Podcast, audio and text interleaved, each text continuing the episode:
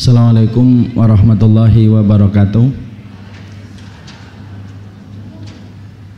Innalhamdulillah wassalatu wassalamu ala rasulillah wa ala alihi wa sahbihi wa man tabi'ahum bi ihsan ila yaumil qiyamah. Umahat dan ibu-ibu, akhwat dan kaum muslimah yang semoga Allah rahmati dan Allah berkahi. Alhamdulillah tentunya kita bersyukur kepada Allah atas segala nikmat yang Allah berikan dan anugerah yang Allah limpahkan kepada kita. Allah itu sempurna di dalam datnya, sempurna di dalam sifatnya, sempurna pula di dalam syariatnya dan sempurna pula di dalam setiap ketentuan takdirnya. Allah tidak memiliki celah keburukan dan Allah tidak memiliki aib sedikit pun pada diri yang melekat kepadanya. Karena segala kesempurnaan itu melekat kepada Allah dalam setiap segala sesuatu. Orang yang paling beruntung bukan mereka yang menggenggam harta berlimpah, tetapi orang yang paling beruntung yaitu adalah mereka yang telah beriman kepada Allah. Iman itu yang telah menjadikan dia hanya bersandar kepada Allah. Orang yang bersandar kepada Allah, dia tidak akan kecewa di dunia dan Allah tidak akan mengecewakan ia di akhirat. Dan itulah yang menjadikan kita tersenyum Walaupun ujian bertubi-tubi datang pada orang yang beriman, selama kita memiliki Allah, maka masalah yang kita dapatkan jauh lebih kecil dari Allah yang kita miliki yang maha besar. Makanya kalau kita masing-masing mendapatkan ujian, problem dan masalah pada kehidupan kita, belajarlah untuk mengatakan pada setiap masalah yang datang, silahkan datang tetapi saya memiliki Allah yang jauh lebih besar daripada masalah yang saya hadapi. Dan itulah yang menjadikan kita selalu beruntung kalau kemudian kita telah memiliki Allah dalam kehidupan kita. Dan tentunya kita bersyukur bukan hanya pada kenikmatan sandang, papan dan pangan. Tetapi yang kita syukuri adalah kenikmatan ketika kita diberikan oleh Allah kekuatan dan pertolongan untuk melakukan ibadah dan amal salih karena seluruh ibadah dan amal soleh yang kita lakukan itu bukan karena kehebatan kita. Tetapi seluruh amal ibadah yang kita lakukan adalah bagian dari pertolongan Allah dan sempurnanya Allah. Serta maha, maha hebatnya Allah ketika menolong kita ketika beriman dan ketika beramal solih rukuknya kita, sujudnya kita, sedekahnya kita. Sampai ketika kita menutup aurat kita ngaji, kita berdakwah, semua itu karena Allah yang maha hebat, bukan karena hebatnya kita dalam iman. Dan itulah yang menjadikan kita kalau naik ketaatan kita, ibadah kita grade-nya naik, tidak ada tempat bagi kita bersyukur kecuali kepada Allah. Jangan menjadi orang yang sombong pada setiap ilmu yang bertambah. Jangan merasa tinggi hati pada setiap ketaatan yang bertambah. Karena ketaatan itu dapat kita lakukan karena semata-mata pertolongan Allah yang begitu besar pada kehidupan kita. Orang yang paling buruk dalam kesombongan itu orang yang lupa bahwasanya ilmu yang dia dapatkan, ibadah yang dia kerjakan itu hanyalah semata-mata rahmat Allah yang datang pada hidupnya. Karena orang yang sombong pada ilmu itu dan pada ibadah maka disebut sebagai orang yang paling tercela dalam kesombongan. Orang yang sombong dengan harta tercela, tapi setidaknya hartanya kelihatan. Mobilnya 3 miliar jalan, mobilnya 10 miliar, kemudian rumahnya 10 miliar kelihatan. Pakaiannya 20 juta, jalan ke pasar turi dan yang lainnya. Kelihatan walaupun itu tercela. Orang yang sombong dengan jabatan tercela, tapi setidaknya mendingan. Jabatannya kelihatan dan dilihat oleh setiap orang. Tapi orang kalau sombong dengan ilmunya, sombong dengan ibadahnya, itu paling buruk dari semua tercela dari kesombongan. Karena apa yang disombongkan? Kalau orang sombong dengan handphonenya, wajar, handphonenya kelihatan kok.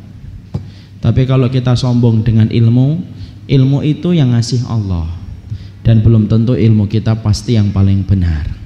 Kalau orang sombong dengan ibadahnya, tidak ada jaminan hari Senin dan Kamis amal kita itu sudah diterima oleh Allah ketika dilaporkan para malaikat kepada Allah. Makanya semoga kita mengerti bahwasanya ilmu yang kita dapatkan harusnya menjadikan tawadhu dan bersyukur kepada Allah dalam setiap waktunya. Kepada Allah kita bersyukur dan kepada Allah kita menggantungkan urusan kehidupan kita dan semoga Allah selalu menjaga kita dan tidak meninggalkan kita walaupun sekejap mata. Kepada Allah kita bersyukur dan kepadanya kita bersabar. Kita pada kesempatan hari ini sebelum menyampaikan kajian kita, kajian khusus muslimah, maka kita ingin mengajak setiap kaum muslimah yang telah duduk di majelis ilmu Taman Surga untuk mendoakan saudara-saudara kita yang meninggal di tempat yang terbaik, yaitu di antara jengkal tanah rumah-rumah Allah. Ketika mendapati hampir 49 yang saya tahu terakhir kabarnya, kaum muslimin di New Zealand telah meninggal dunia disebabkan perbuatan seorang teroris yang tidak menaruh dendam kepada kita kecuali karena kita beriman kepada Allah yang maha perkasa lagi maha terpuji. Wa ma naqamu minhum illa yu'minu billahil azizil hamid. Allah menyampaikan di dalam surat Al-Buruj ayat yang ke-8 Orang kafir itu tidaklah menyiksa orang yang beriman kecuali Orang beriman itu beriman kepada Allah yang maha perkasa lagi maha terpuji Semoga setiap orang yang meninggal pada peristiwa itu akan mendapatkan ampunan di sisi Allah. Akan mendapatkan makfirah di sisi Allah dan mereka ditetapkan sebagai syuhada. Orang yang insya Allah diwafatkan mati syahid. Dan tidak ada ucapan kita kecuali doa. Persis sebagaimana doanya Rasulullah kepada keluarga Yasir. Keluarga Yasir itu keluarga yang pertama kali mendapatkan syahid di dalam Islam. Yasir meninggal di dalam Islam mati syahid. Istrinya Sumayyah pun mati syahid di dalam Islam dan wanita syahidah pertama di dalam Islam. Maka Rasulullah mengucapkan fa inna mau'idakumul jannah. Sesungguhnya tempat kembalinya kalian itu surga maka kita juga mengatakan kepada seluruh korban yang ada di New Zealand fa inna mau'idahumul jannah. Semoga tempat kembali mereka itu adalah surga amin insyaallah. Dan itu mengingatkan kita hari ini kita hidup pada zaman ketika kaum muslimin itu selalu dianggap murah. Dianggap murah kehormatannya dianggap murah darahnya. Saya betul-betul kangen rindu dengan kondisi ketika dulu Islam ini jaya sampai kemudian kita mendapati orang itu tidak ada yang berani untuk melawan Islam. Sampai pada zaman sahabat itu ada peperangan yang disebut peperangan Datus Salasil. Perangan melawan orang Persia. Saking takutnya Romawi dan Persia sama Islam setiap mereka mendengar kalimat takbir mereka itu langsung lari tunggang langgang ketakutan. Sampai pasukan-pasukan Persia itu diikat dengan rantai supaya yang kabur itu diseret kembali ke medan peperangan. Tapi justru pada peperangan itu mereka kalah. Saya rindu ketika dulu ada seorang wanita yang ada di Amuriah. Amuriah itu ujung Asia. Ditarik jilbabnya sampai terbuka jilbabnya sampai kemudian wanita itu berteriak, "Ya Mu'tasimah, Mu'tasim itu khalifah yang ada di Baghdad yang menguasai wilayah kaum muslimin. Ternyata panggilan wanita itu sampai ke telinganya Mu'tasim. Maka Mu'tasim bertanya sama kurir yang menyampaikan berita. Apa yang diucapkan wanita itu ketika ditarik jilbabnya? Dia memanggil dirimu, wahai Mu'tasim, tolong saya. Kehormatan saya dilanggar hari ini. Maka langsung Mu'tasim itu mengirimkan pasukan dari Baghdad menyerang Amuriah supaya mereka meminta maaf terhadap apa yang mereka lakukan kepada seorang wanita yang ditarik jilbabnya. Dan pasukan yang dikirim itu ratusan ribu. Kepala dari pasukan itu sudah menyentuh Amuriah ujung Asia dan ekor dari pasukan itu belum keluar dari Baghdad. Dan itu mereka sudah ketakutan dan meminta maaf Makanya kita rindu dan kita kangen kondisi ketika Islam itu dihargai mahal. Ketika tidak boleh ada yang mengganggu kaum muslimin. Karena kita adalah orang yang cinta damai. Kita adalah orang yang toleran selama kita tidak diganggu. Jangan pernah memfitnah umat Islam itu umat yang tidak toleran. Jangan ngajarin umat Islam tentang toleransi. Itu sama dengan ngajarin ikan berenang. Itu sama dengan ngajarin orang Padang membuat rendang. Itu sama dengan ngajarin orang Jawa Timur membuat pecel. Karena sesungguhnya itu pasti kita tahu dan pasti kita dapatkan dalam kehidupan kita. Tapi sekalinya diganggu, jangan pandang bulu. Sesungguhnya kita adalah orang yang sangat cinta kepada keadilan kalau kita terdolimi. Semoga Allah merahmati setiap saudara kita yang ada di sana dan semoga Allah memberikan keberkahan bagi setiap keluarga yang ditinggalkan. Semoga mereka menjadi keluarga yang dilapangkan hatinya dan diberikan kesabaran. Amin insya Allah. Kita pada kesempatan hari ini akan membahas tentang kajian muslimah. Ini adalah kajian kedua saya di Masjid Al-Falah. Kalau hari ini khusus untuk kajian muslimah. Kalau kajian perdana dulu adalah kajian muslim umum bagi laki-laki dan perempuan. Ada sedikit perbedaan. Kalau dulu di kajian laki-laki dan bapak-bapak tidak ada kembangnya. Kalau sekarang ada kembangnya. Dulu tidak ada kayak gini ini kalau yang membuat bapak-bapak ndak pink, biru dia pasti. Tapi karena yang membuat adalah muslimah jadinya pink kayak gitu. Alhamdulillah. Semoga Allah memberikan keberkahan. Dan tentunya terima kasih kepada seluruh komponen panitia yang sudah bersusah payah. Kita pada kesempatan hari ini akan menyampaikan sebuah tema yaitu kaum muslimah jagalah kehormatanmu. Sebenarnya kita akan membicarakan tentang salah satu perkara fenomena yang banyak terjadi di antara kaum muslimah yaitu tentang masalah kehormatan dan ada kaitannya dengan zina. Ini sebenarnya tema kita perhalus dan kita perlembut karena kalau kita menulis zina mungkin banyak orang yang belum bisa siap untuk membaca dan belum kuat untuk membaca tema itu. Tetapi tema yang kita pilih adalah tema tentang menjaga kehormatan itu sebenarnya pembahasan kita nanti banyak bercerita tentang perzinahan. Tentunya kita paham salah satu di antara perkara yang merusak pada kehidupan kita adalah perzinahan. Surabaya ini beberapa bulan ini identik dengan berbagai macam kasus-kasus besar Indonesia. Dulu ketika ada perzinahan online Surabaya mencuat namanya. Tadi malam ada yang ketangkap korupsi Surabaya lagi. Semoga Allah mengampuni rakyat Surabaya dan rakyat Bekasi juga. Tapi kita akan bicara tentang masalah ini dari sudut pandang kitabullah dan sunnah. Sebelum kita bicara tentang masalah yang berkaitan tentang kehormatan dan penistaan kepada kehormatan, sampai kemudian wanita melakukan dosa. Kita harus pahami betul. Yang kita pahami yaitu adalah sesungguhnya makhluk yang paling Allah cintai di antara kehidupan ini adalah wanita.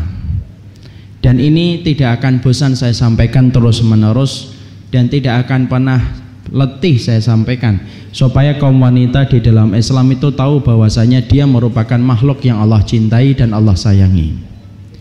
Ibu tidak pernah mendapatkan dat yang paling sempurna kasih sayangnya kepada wanita kaum Hawa kecuali Allah. Makanya Allah itu menempatkan surat An-Nisa, surat An-Nur dan banyak surat yang lainnya itu menceritakan dan menggambarkan betapa besarnya kasih sayang Allah kepada kaum wanita. Karena sesungguhnya Allah tahu, Allah mengerti dengan ilmunya yang tiada batas Sesungguhnya kebaikan Islam itu tergantung bagaimana kebaikan para wanitanya.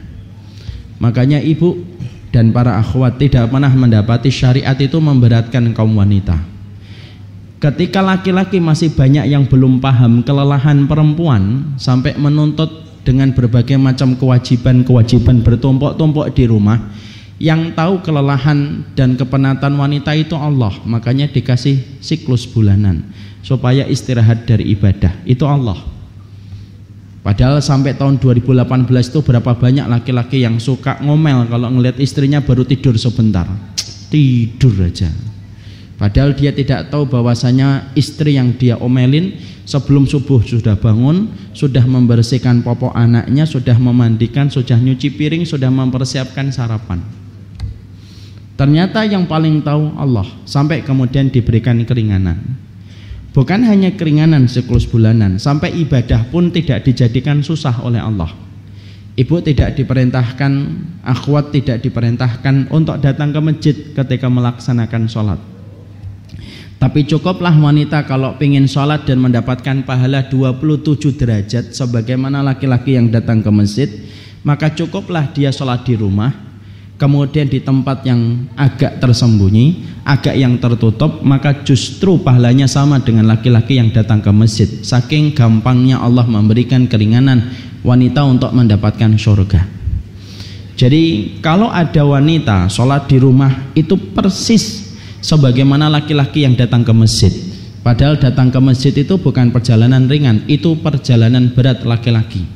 Dia harus bawa mobil, parkir mobil, jalan, menunggu komat, dan sholat bersama dengan imam, selesai baru pulang. Itu pun wanita dibuatkan shortcut dan jalan pintasnya.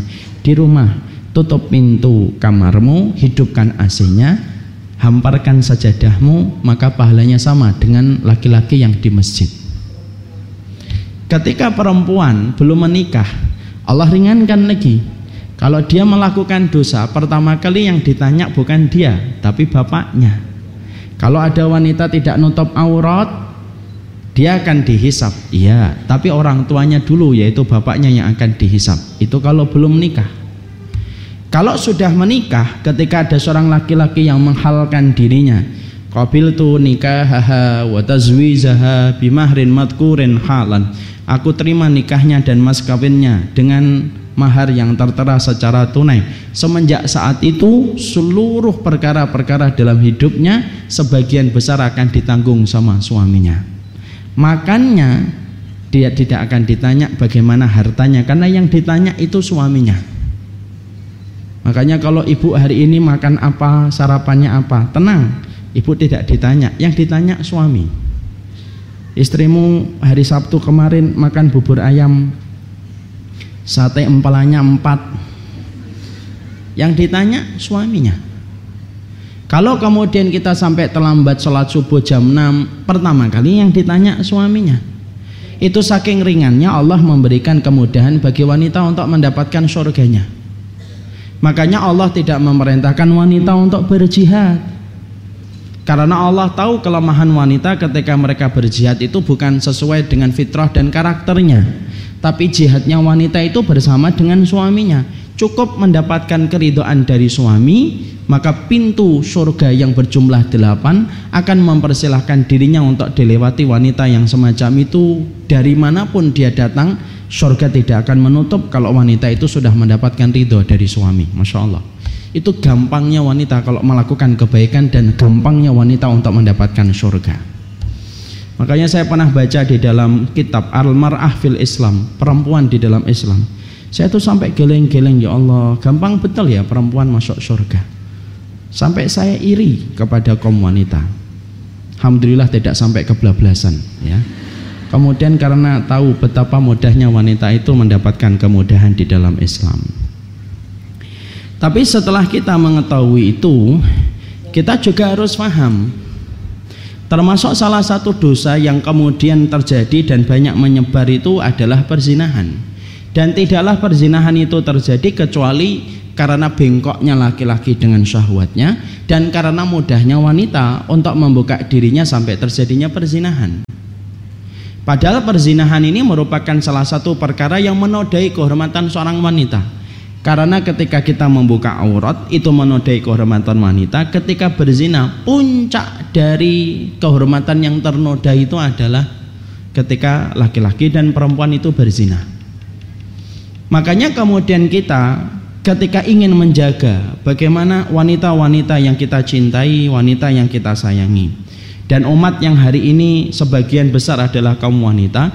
Di antara perkara yang harus dilakukan adalah bagaimana kita terus memberikan ilmu. Supaya para wanita-wanita yang kita inginkan dalam kebaikan maka sesungguhnya mereka itu terjaga dari perzinahan. Makanya inilah yang menjadikan kita ingin membicarakan tentang perzinahan. Karena perkara terjaganya wanita adalah ketika wanita itu mampu menjaga dirinya dari perzinahan. Mampu menutup aurat, mampu untuk terjaga dari perzinahan. Sampai orang tua yang memiliki putri-putri Kemudian dia memiliki tiga putri. Sampai tiga putrinya, dua putrinya Menjaga dirinya dan menjaga dari perzinahan. Maka sampai akhirnya dia menikah dia terjaga kesuciannya maka sesungguhnya yang paling beruntung itu ibunya dan bapaknya. Karena ibu dan bapaknya akan dibuatkan sater penghalang dibuatkan hijab yaitu adalah tirai yang akan menjaga orang tuanya dari api neraka ketika setiap wanita ketika menjadi anak wanita itu mampu menjaga dirinya dari perzinahan menutup auratnya sampai terjadinya pernikahan sampai dia dihalalkan oleh seorang laki-laki maka tidak ada hadiah yang terindah yang dia berikan kepada orang tua kecuali dia memberikan tirai untuk orang tuanya. Ini pak tirainya bapak dan ibu akan terjaga dari api neraka kalau seorang wanita itu menjaga kehormatannya sampai menikah makanya inilah yang menjadikan kita ingin sekali karena sesungguhnya masing-masing dari kita semuanya itu adalah ingin memberikan hadiah terbaik untuk orang tua kita kita ingin sekali bahwasanya masalah kesucian itu kita tempatkan kembali pada tempatnya. Supaya kesucian itu ketika hari ini sudah mulai ternoda, diremehkan, tidak dianggap penting, dipandang sebelah mata sama orang-orang yang sudah tercebur kepada kemaksiatan, maka kesucian itu jangan sampai hilang dan sampai bergeser di tempatnya. Karena kesucian itu barang penting. Karena banyak orang-orang itu hari ini orang-orang perempuan yang tidak peduli lagi dengan kesucian itu berkata, zaman gini kok belum melakukan hubungan yang semacam itu. Seakan-akan mereka heran ketika melihat orang yang menjaga kesuciannya, sebagaimana kita heran sama orang yang kemudian melakukan perzinahan tetapi masih bisa tersenyum ketika habis melakukan zina. Itu kan bingung kita. Kadang-kadang kalau kita melihat orang Islam abangan tuh kita bingung itu. Kok ada orang Islamnya gini ya. Tapi sama orang kalau tidak pernah ibadah ngeliatin kita juga bingung. Ibadah gitu banget ya Makanya kemudian inilah yang menjadikan kita ingin membahas tentang masalah itu supaya betul-betul kita ngerti tentang masalah perzinahan, supaya setiap dari kita ngerti bagaimana mendidik anak kita kalau kita punya anak perempuan dan anak laki-laki karena termasuk musibah besar yang ada dan melanda keadaan umat hari ini yaitu adalah dihalalkannya kembali perzinahan dan itulah salah satu kerusakan besar dalam setiap keluarga. Kita bisa bayangkan kalau keluarga anaknya sudah berzina itu tirainya hilang. Kalau ada bapak kemudian mendapati anaknya berzina, dinding yang menghalangi dia dengan api neraka itu hilang. Loh kalau kita punya rumah dindingnya hilang aja kita bingung itu. Karena akhirnya nanti akan kelihatan semua yang kita lakukan itu baru dinding rumah. Lo apalagi dinding dalam kehidupan di akhirat ada seorang ibu anaknya berzina bu. Dinding ibu dengan api neraka hilang bu. Akhirnya kemudian ibu dengan neraka sudah tidak ada lagi sekatnya. Siapa yang kemudian ingin kehilangan sekat antara ia dengan neraka? Orang berakal tidak ada yang mau kehilangan sekat antara dirinya dengan api neraka. Karena apa sekat itu ada ketika dia memiliki putri dan putri itu menjaga kesuciannya sampai kemudian pernikahan dan itulah yang menjadikan kita ingin membicarakan tentang perzinahan. Kita akan bicara perzinahan dalam lima poin. Pada kesempatan hari ini supaya kita faham dan supaya kita ngerti tentang masalah perzinahan ini. Apa yang kemudian kita pelajari dalam masalah perzinahan ini? Yang pertama, karena zina itu adalah perbuatan dosa, kita harus paham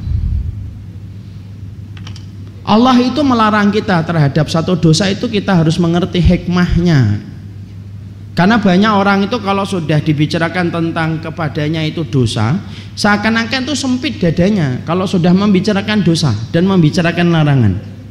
Padahal Allah ketika melarang kita terhadap satu dosa, tidaklah Allah itu melarang kita terhadap satu dosa, kecuali itu merupakan bahasa kasih sayang Allah kepada setiap manusia ketika Allah itu memberikan perintah dan Allah menerangkan itu dosa. Karena banyak orang yang belum paham kenapa kita dilarang. Dan banyak sekali komentar yang sering disampaikan manusia ketika mereka mendapati pada hidupnya diterangkan referensi dosa ini dosa ini dosa Lalu bisa jadi orang itu karena tidak faham tentang Robnya ketika Allah itu meletakkan dosa itu apa dan maksiat itu apa akhirnya sempit dadanya dan ketika sempit dadanya dia bisa berkomentar dan komentar itu tidak mencerminkan syariat. Dia komentarnya begini dulu saya sebelum ngaji itu kelihatannya semuanya boleh. Setelah ngaji di Al-Falah dikit-dikit tidak boleh dikit-dikit nggak boleh. Kemerdekaan saya terenggut. Nah, iya Padahal kemudian di situ kita paham Allah tidak pernah mengambil kemerdekaan kita. Apa hajat bagi Allah? Apa butuhnya bagi Allah untuk mengambil kemerdekaan kita? Allah tidak butuh kemerdekaanmu karena Allah sudah merdeka. Allah itu maha sempurna dalam segala apa pun. Kalau Allah itu pengen mendolimi kita, kalau ada yang mengatakan saya terdolimi karena banyaknya dosa yang dilarang oleh Allah, Loh, untuk apa Allah itu mendolimi kita? Sepenting apa kita itu di hadapan Allah sampai Allah mendolimi kita? Tetapi kita fahami poin yang pertama, kalau Allah sudah meletakkan larangan, Allah sudah meletakkan dosa, dan ketika Allah sudah meletakkan perkara yang Allah benci, kenapa Allah meletakkan itu? Itu merupakan bahasa kasih sayang Allah kepada kita, supaya kita faham di balik setiap dosa dan di balik setiap larangan itu ada kerusakan yang kita dapatkan kalau kita sampai menerjangnya, dan itu bahasa kasih sayang Allah. Ibu, dan umahat kalau pengen pergi ke puncak atau tempat-tempat wisata yang tinggi pasti di sepanjang jalan itu dibuat itu mort itu portal itu buat kemudian besi-besi yang ada di pinggir jurang itu Kenapa petugas markah di jalan itu membuat pagar di pinggir jalan? Petugas itu ingin mengatakan kepada kita, ingin menyampaikan kepada kita, ini hati-hati ya, ini pagar. Di balik pagar ini ada jurang yang sangat curam. Jangan ditabrak. Kalau kamu tabrak, kamu akan masuk ke jurang dan kejadiannya akan fatal kalau sampai kamu berani menerjangnya. Sama Allah itu meletakkan dalam kehidupan kita batasannya. Batasan Allah itu larangan-larangan Allah. Dan ketika Allah meletakkan larangan itu karena Allah tahu di balik setiap larangan itu ada kerusakan yang bisa menimpa hamba yang Allah cintai dan Allah tidak ingin hamba itu rusak. Diletakkan larangan supaya kemudian kita ngerti pagar pembatas dalam kehidupan kita. Jangan malah sumpah kalau kemudian diberitahu tentang dosa. Karena dosa itu bahasa kasih sayang. Makanya kalau ada orang ketika dia diberitahu tentang dosa, diberitahu tentang referensi tentang masalah dosa, lalu kemudian dia marah ketika dia merasa dilarang, diambil ke kemerdekaannya. Maka itu kayak anak kecil. Anak kecil itu kalau dilarang, maka dia pasti marah, rewel dia. Makanya kalau ada orang diberitahu ini dosa, ini larangan, kok dia rewel? Itu persis rewelnya dia itu sebagaimana rewelnya anak kecil ketika tidak paham bahaya yang akan menimpa kepadanya ketika tidak dilarang. Coba lihat ibu, kalau ibu kan punya anak, kalau punya anak misalkan dia bermain kertas di pinggir kompor, maka kemudian kita dapatin dia mungkin milih di pinggir kompor, mungkin anget kemudian bermain-main kertas. Dia tidak paham kalau bermain kertas di dekat kompor akan menyebabkan api itu menyambar kertas itu akan menyebabkan kebakaran melukai dirinya dan bisa membakar rumahnya. Kenapa dia tidak paham? Akalnya anak itu tidak nyampe baru 2 tahun 3 tahun.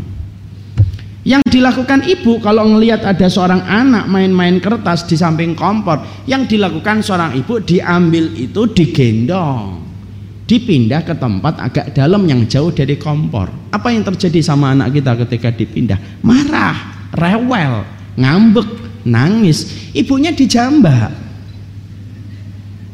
Yang senyum ini berarti sering dijambak sama anaknya. Dijambak sama anaknya. Kenapa anak itu menjambak ibunya? Karena anak itu merasa kemerdekaannya diambil. Mau oh, lagi main kok dipindah. Kalau dia bisa buat status, dia ngomong, jangan dipindah ma, saya lagi asik main kertas. Nah, cuma dia nggak bisa buat status di Instagram. Kenapa? Instagramnya dihapus misalnya.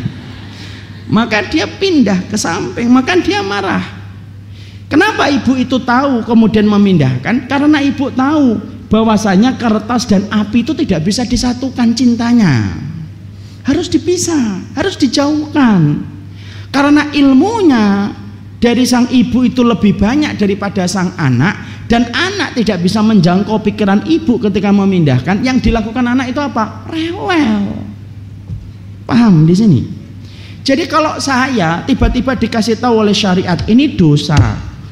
Hadisnya ini dalilnya ini. Kemudian rewel saya. Ini persis kayak anak kita umur 3 tahun rewel ketika dilarang sama ibunya. Makanya jangan rewel jadi nanti kalau ada teman kita ngomong kok dosanya banyak ya, dikit-dikit dosa. Jangan rewel kamu. Kayak adik saya tiga tahun kamu rewel aja kalau di karena sesungguhnya kita harus ngerti, kita harus paham dan itu termasuk dari kebaikan iman. Karena kemudian dosa itu harus disikapi dengan benar. Larangan itu harus dipelajari, kemaksiatan itu apa dan kita harus paham di balik setiap kemaksiatan itu ada keburukan dan itu pengontrol kehidupan kita. Tidak usah ibadah. Wong makan aja ada kontrolnya kok. Dokter sering berkata tinggalkan jeruan. Ada nggak yang rewel sama dokter ketika diomongin gitu? Kenapa dok? Karena ibu kolesterolnya sudah tinggi banget ini 300. Ada nggak yang rewel sama dokter? Tidak ada yang rewel. Tidak ada yang ngomong dok, dok akal. Saya bayar mahal-mahal kamu 250. Saya datang ke sini cuma kamu ngelarang saya makan kolesterol dan makan jeruan. Tidak ada yang ngomong kayak gitu. Kenapa? Karena kita tahu ilmunya dokter tidak sama dengan ilmunya kita dalam medis dan kesehatan. Sama Allah itu kalau sudah melarang fahami di balik setiap larangan itu dan dosa itu ada sebuah kemaslahatan besar ada sebuah manfaat gede yang Allah ingin berikan kepada kita kalau belum mampu minta sama Allah ya hayyun ya qayyum birahmatika astagis. Ya hayyun yang maha hidup. Ya qayyum yang maha berdiri yang maha menguasai. Birahmatika astagis dengan rahmatmu aku minta pertolongan kalau belum mampu. Dan kita juga sama kalau mendapati saudara kita belum mampu meninggalkan dosa, jangan dihujat, jangan dicela. Karena sesungguhnya kita tidak boleh membantu setan untuk menjerumuskan saudara kita kepada dosa yang lebih besar gara-gara kita mencelanya. Selama dia ngaku kalau memang belum mampu meninggalkan dosa. Kecuali dia nolak. Saya nggak pakai jilbab. Kenapa? Belum mampu. Doakan orang kayak gitu. Tapi kalau ada yang mengatakan saya tidak pakai jilbab. Kenapa? Menurut saya orang pakai jilbab itu bisa baik kok nggak harus pakai jilbab. Ngapain semua harus pakai jilbab? Saya keliling Eropa, Jepang, tidak ada itu orang pakai nggak pakai jilbab jelek. Kalau itu namanya beda, itu namanya nolak itu. Makanya ketika kita memahami itulah yang menjadikan akhirnya nanti lapang hati kita ketika kita memahami sebuah larangan yang Allah tetapkan dalam kehidupan kita. Makanya saya akan sampaikan sebuah kisah nyata untuk menggambarkan sama kita kalau Allah sudah meletakkan larangan itu pasti di balik larangan itu ada keburukan. Enggak usah yang haram, yang makruh saja. Kita bicara yang makruh, enggak sampai yang haram. Yang makruh saja itu kalau kita perhatikan kenapa Allah memakruhkan ini, kenapa Allah memakruhkan itu. Tidaklah Allah itu memakruhkan, makruh itu yang apabila dilakukan tidak apa-apa, ditinggalkan dapat pahala. Kenapa Allah memakruhkan? Ternyata yang makruh itu pun kalau kita tinggalkan ada kebaikan yang kita peroleh. Itu baru yang makruh, apalagi yang haram. Saya perhatikan ini kalau kita mau makan itu, kita makruh untuk bersandar. Makan itu makruh, sandar gini itu makruh. Tapi boleh enggak? Ya boleh aja nggak apa-apa. Tapi kalau enggak enggak bersandar itu lebih baik. Ternyata kita mendapati di dalam dunia medis kenapa kemudian bersandar ketika makan itu makruh karena orang ketika mau makan itu ketika dia bersandar lambungnya itu jadi berat ketika mengunyah makanan. Memproses makanan itu jadi susah berat dia. Dibandingkan ketika kita makan tidak bersandar. Dan itu ditemukan di dalam dunia medis. Ternyata yang makruh itu pun menghilangkan kita keburukan kalau kita meninggalkannya. Begadang. Begadang itu tidak makro, begadang itu tidak haram, makro. Ini tidak ada hubungannya sama Roma Irama ya, kita bahas hukumnya.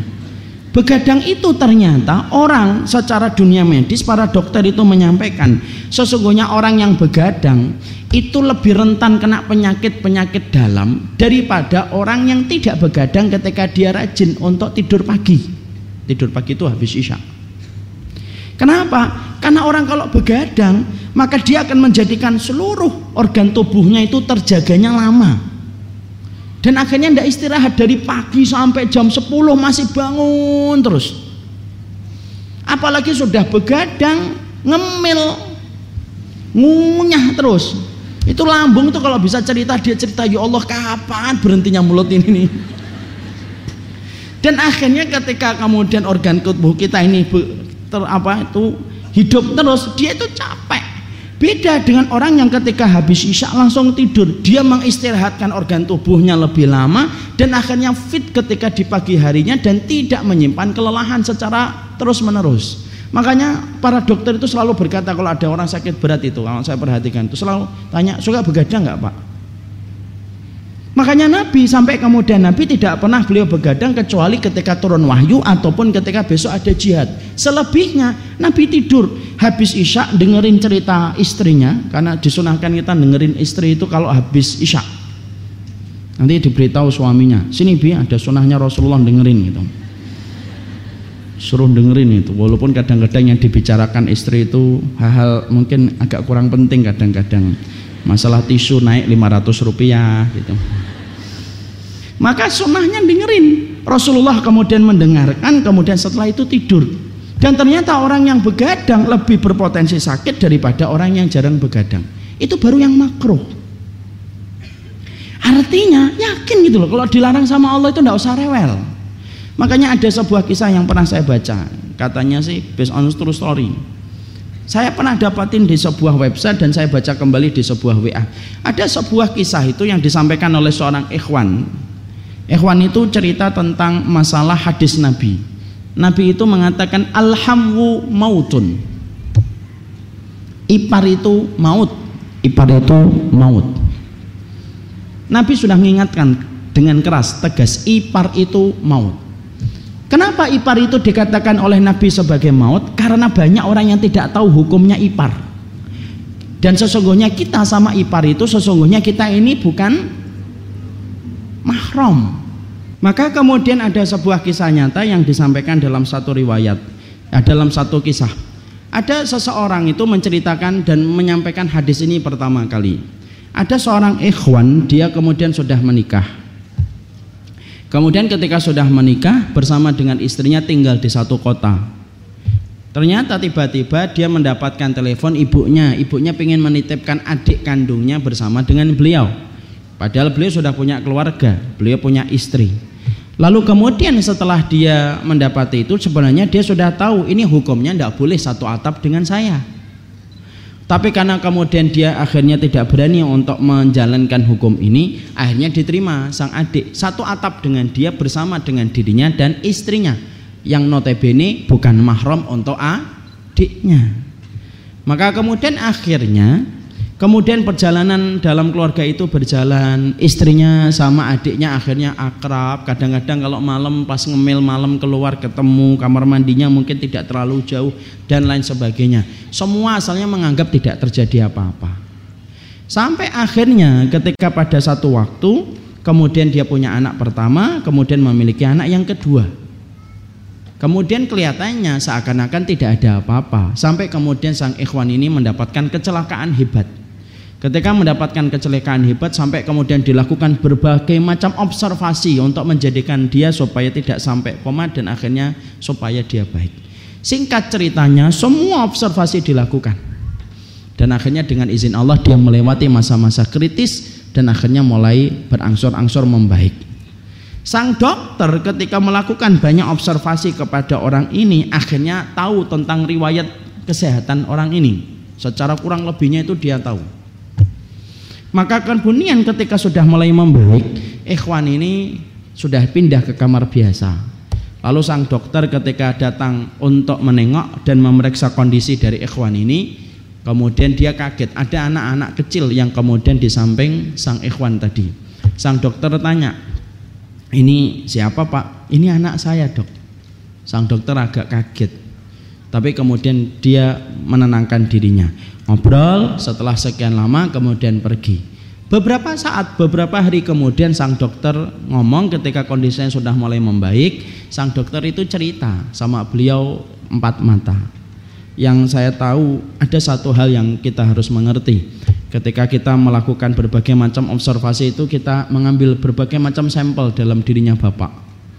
Dan menurut catatan kesehatan kami, sebenarnya Bapak ini secara medis tidak bisa memiliki keturunan karena kualitas dari airnya itu sangat buruk.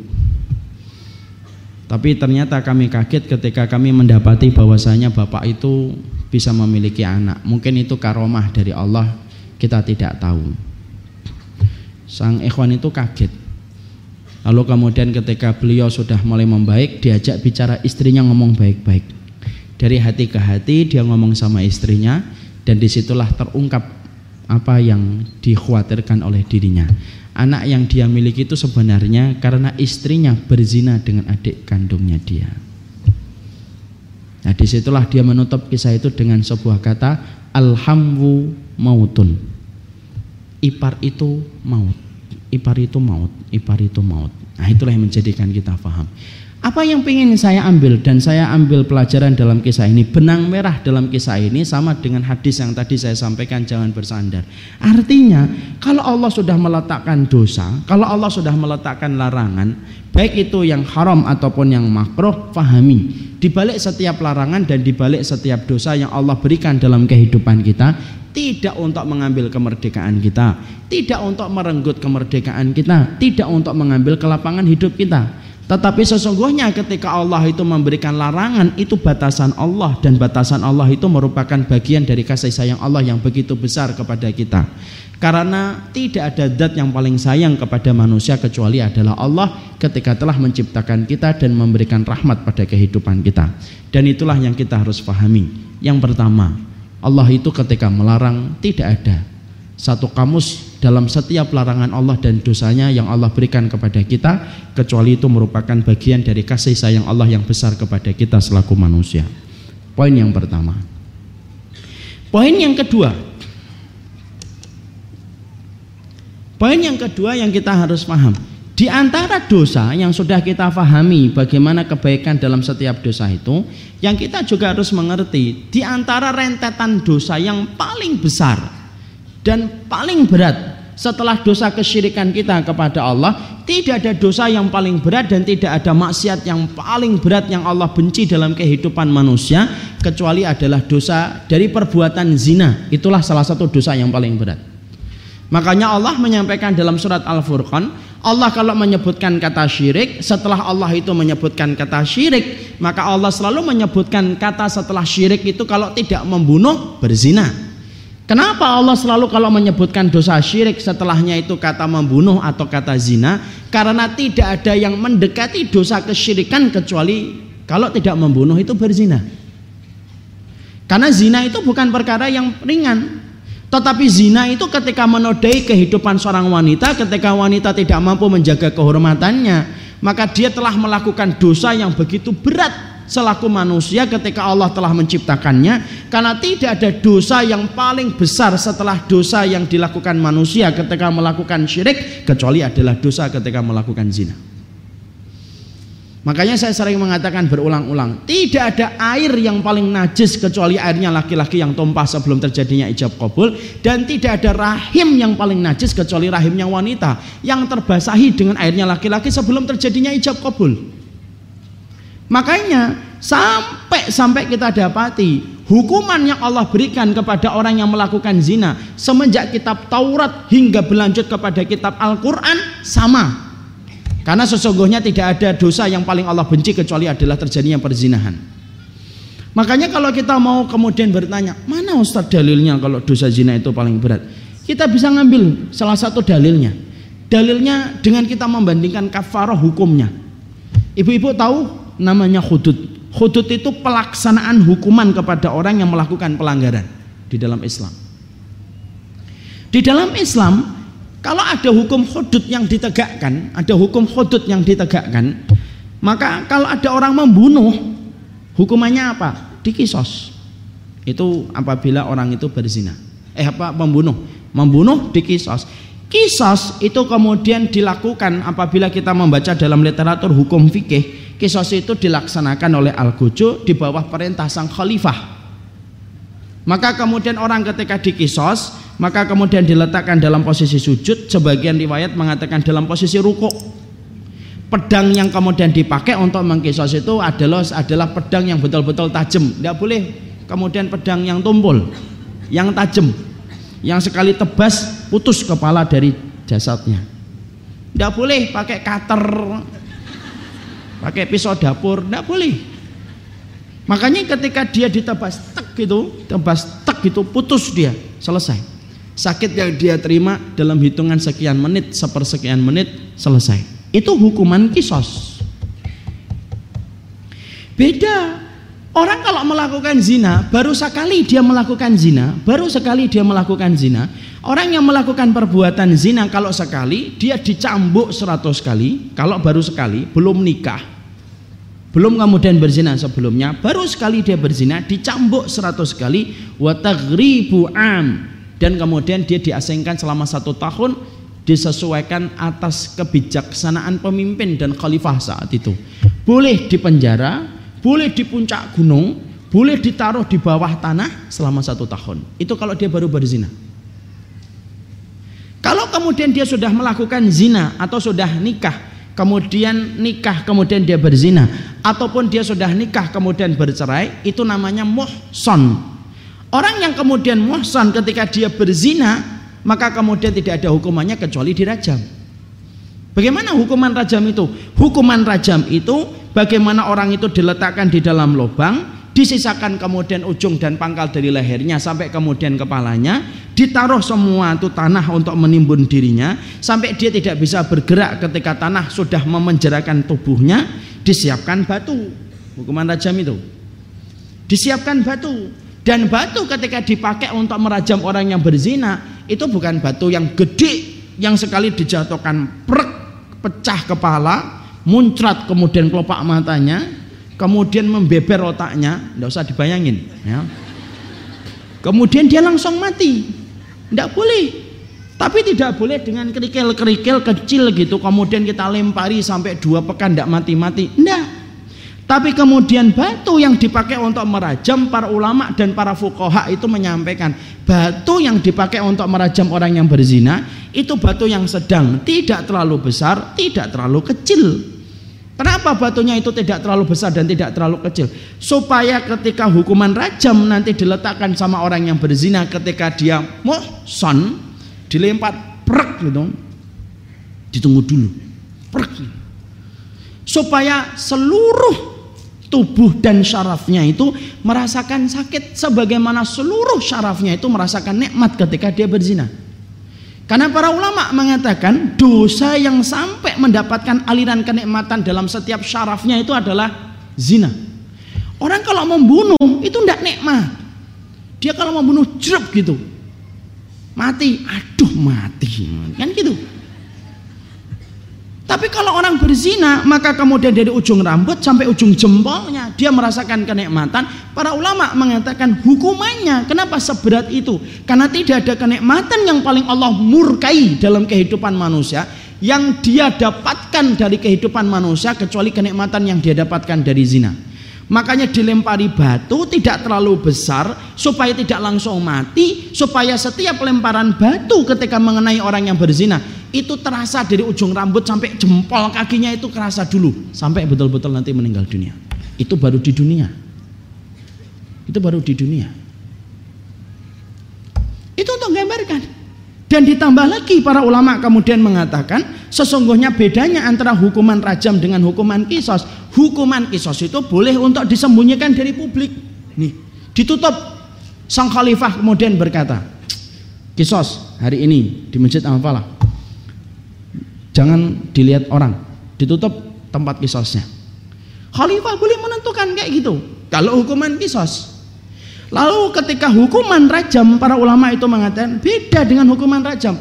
Kalau hukuman rajam itu dilaksanakan, maka dia tidak boleh ditutup. Dan janganlah belas kasih kita itu menghalangi kita untuk melakukan perbuatan dan ketetapan hukum ini kata Allah. Jangan sampai belas kasihan kamu itu menghalangi kamu untuk melakukan tindakan ini kata Allah. Dan hukuman rajam itu harus dibuka dan tidak boleh ditutup dari publik. Semua orang harus melihat semua orang harus bergedik takut supaya kemudian dia mikir seribu kali sebelum dia berzina. Itu hukuman zina. Makanya sampai kemudian kita dapatkan tidak ada dosa yang sampai semengeri ini ketika Allah meletakkan hukuman hudud kecuali berzina. Yang hari ini ketika zina itu kembali dihalalkan oleh dihalalkan oleh manusia. Sampai orang itu menganggap zina itu termasuk hal yang biasa. Sampai kemudian menganggap kalau ada orang yang tidak melakukan zina itu termasuk orang yang ketinggalan zaman, tidak akan mendapatkan suami. Itu merupakan bisikan syaitan. Karena mereka tidak pernah paham bagaimana kedudukan zina itu di hadapan Allah. Hari ini kan zina itu kembali dihalalkan. Dan Nabi sudah mengatakan dalam satu riwayat Tirmidzi, hatta lo istarastumuhu fit la. Sampai kemudian kita dapati kata Rasulullah, akan datang satu zaman orang itu melakukan zina, mereka melihat orang kafir bagaimana orang kafir itu melakukan zina itu sampai di pinggir jalan. Jadi nanti itu hari ini zamannya. Orang kafir yang kata orang sebelah non muslim Orang kafir itu nanti akan mencontohkan bagaimana cara berzina di pinggir jalan maka kemudian kata Rasulullah, ada di antara umatku yang nanti akan meniru bagaimana cara berzina di pinggir jalan. Dan kita dapatin hari ini terjadi. Orang zina mah tidak kemudian di balik pintu, di depan pintu, di balik handphone. Dan melalui pesan-pesan yang kemudian bersambung dari satu dan yang lain sampai kita mendapati grup-grup pun melakukan perzinahan secara online. Itu kata Rasulullah. Padahal kemudian inilah yang kemudian kita dapati Orang kalau sampai melakukan zina Lu sampai Imam Syafi'i saja Kalau sudah disebutkan tentang dosa zina Imam Syafi'i itu kalau sudah disebutkan tentang dosa zina Itu sampai beliau itu berkata Ittaku minan zina. Dijaga dirimu dari zina. Jaga dirimu dari zina. Karena zina itu kata Rasulullah Kata kemudian Imam Syafi'i Lu sampai orang yang berzina Pulang ke rumahnya Lalu kemudian dia tidak bertobat, masih tersenyum ketika habis berzina atas nama hari kasih sayang contohnya. Pulang dia pulang ke rumahnya, habis melakukan zina, kata Imam Syafi'i, lu sampai tikus yang ngendon di rumah itu pun akan mendapatkan laknat sama selama orang yang berzina di rumah itu tidak bertobat kepada Allah. Antum bisa bayangkan itu. Selama kemudian dia tidak bertobat kepada Allah itu sampai tikus di rumah itu pun akan mendapatkan laknat. Makanya kita tidak bisa bayangkan ada orang berzina seorang perempuan sampai kemudian dia berzina pulang ke rumahnya ketemu bapaknya kemudian dia gelindot manja dengan bapaknya kemudian ibunya memasakkan nasi goreng padahal dia baru saja dia berzina semua yang ada di rumah itu mendapatkan laknat karena tidak main-main dosa perzinahan itu dan itu merupakan perkara yang secara fitrah orang itu tidak ada yang suka kalau ada keluarganya dizinai. Itu zina. Makanya sampai kemudian dosa ini diterangkan lagi oleh kata-kata oleh kata-kata hikmah orang zaman orang soleh terdahulu. Sampai orang-orang hikmah terdahulu itu mengatakan apa? Azina dainun wa fi ahlihi. Sampai kemudian para ulama terdahulu dari orang-orang yang bijak itu berkata zina itu utang. Kalau kamu tidak bertaubat akan menjadi utang yang kamu bayar melalui putri-putrimu dan putra-putramu nanti ketika mereka kemudian menjadi keturunanmu Padahal biasanya dosa itu tidak membawa sampai keturunan. Ada seorang bapak tidak sholat, bisa jadi anaknya sholat. Bisa jadi kemudian ada seorang ibu tidak puasa, bisa jadi anaknya puasa. Tapi ada dosa yang apabila kita tidak bertobat sampai para hukama dan para ahli hikmah itu berkata, azina dainun.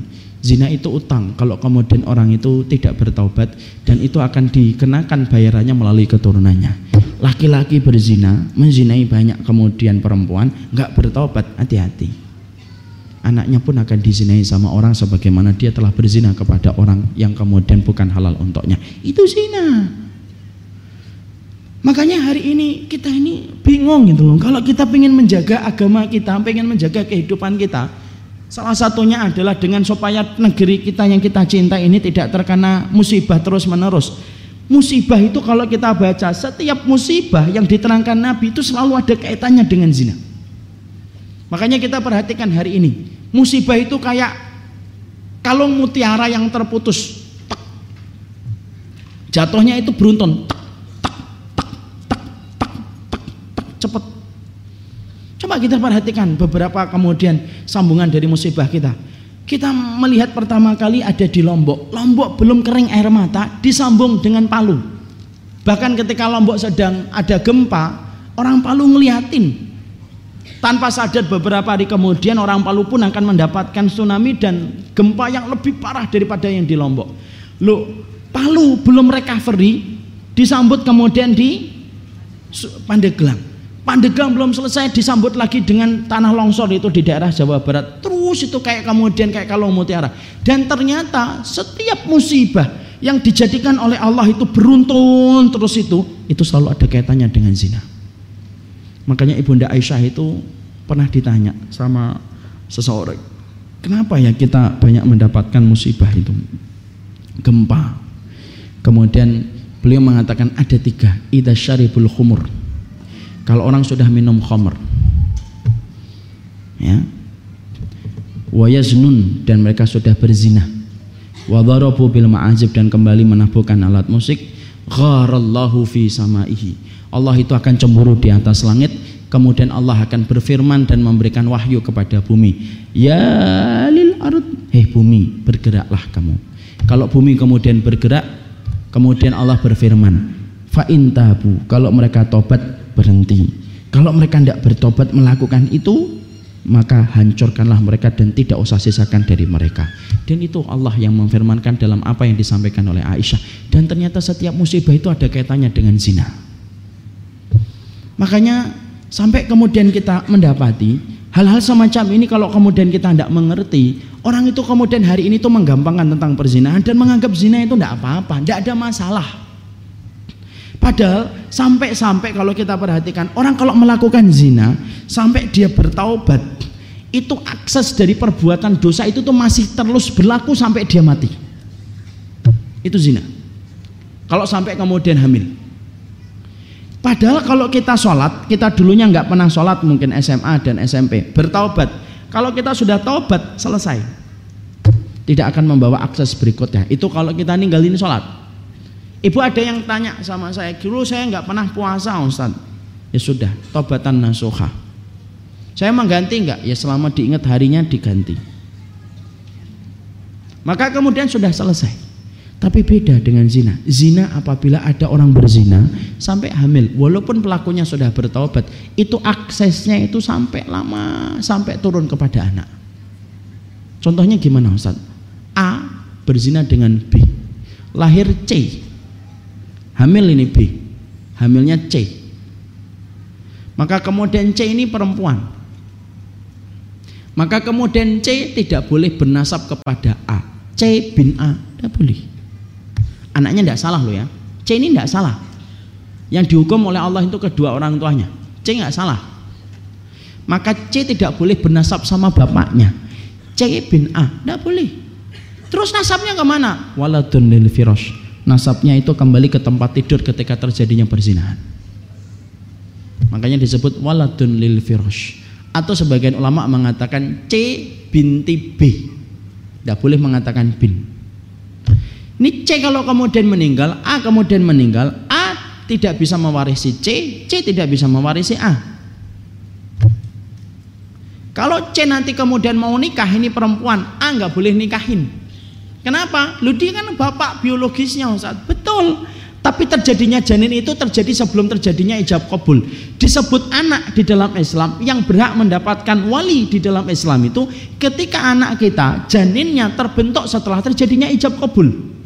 Kalau kemudian terbentuknya anak dalam janin itu dalam rahim seorang wanita terbentuk sebelum pernikahan, maka dia tidak disebut anak yang mendapatkan perwalian dari bapaknya. Kenapa? Bapaknya dihukum sama Allah kamu nggak bisa dapat terus cek kalau mau nikah sama siapa? Sama wali hakim.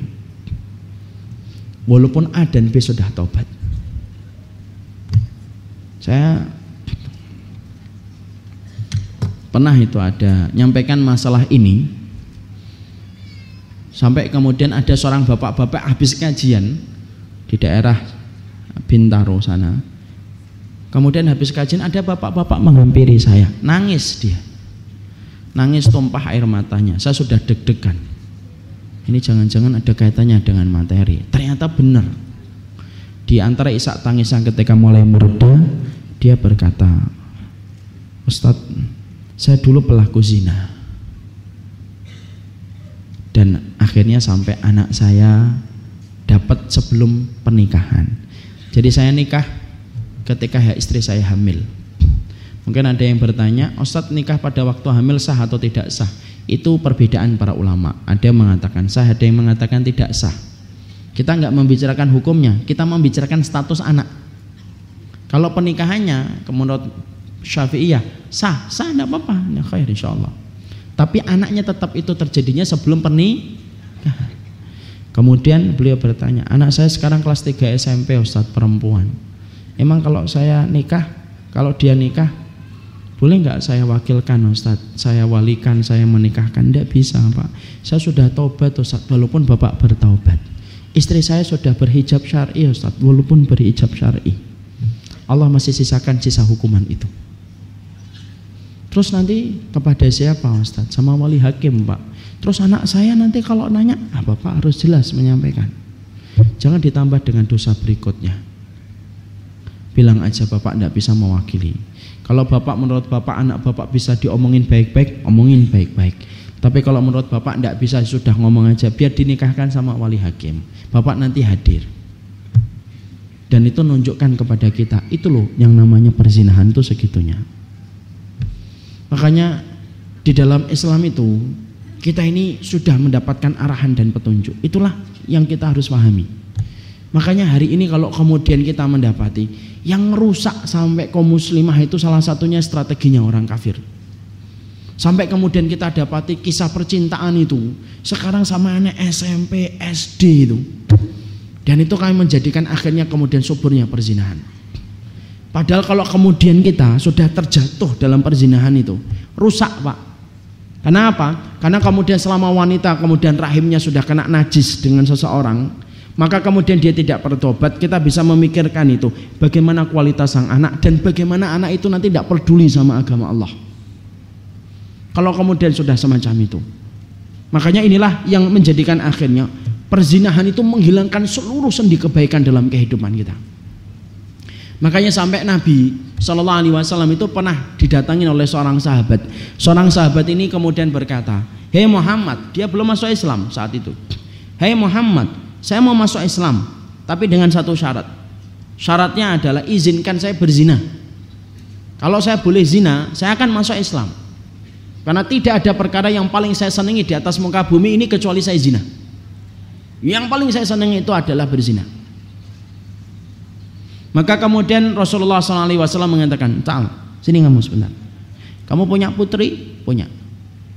Punya istri? punya lah Punya saudari perempuan? Punya. Ibu? Punya.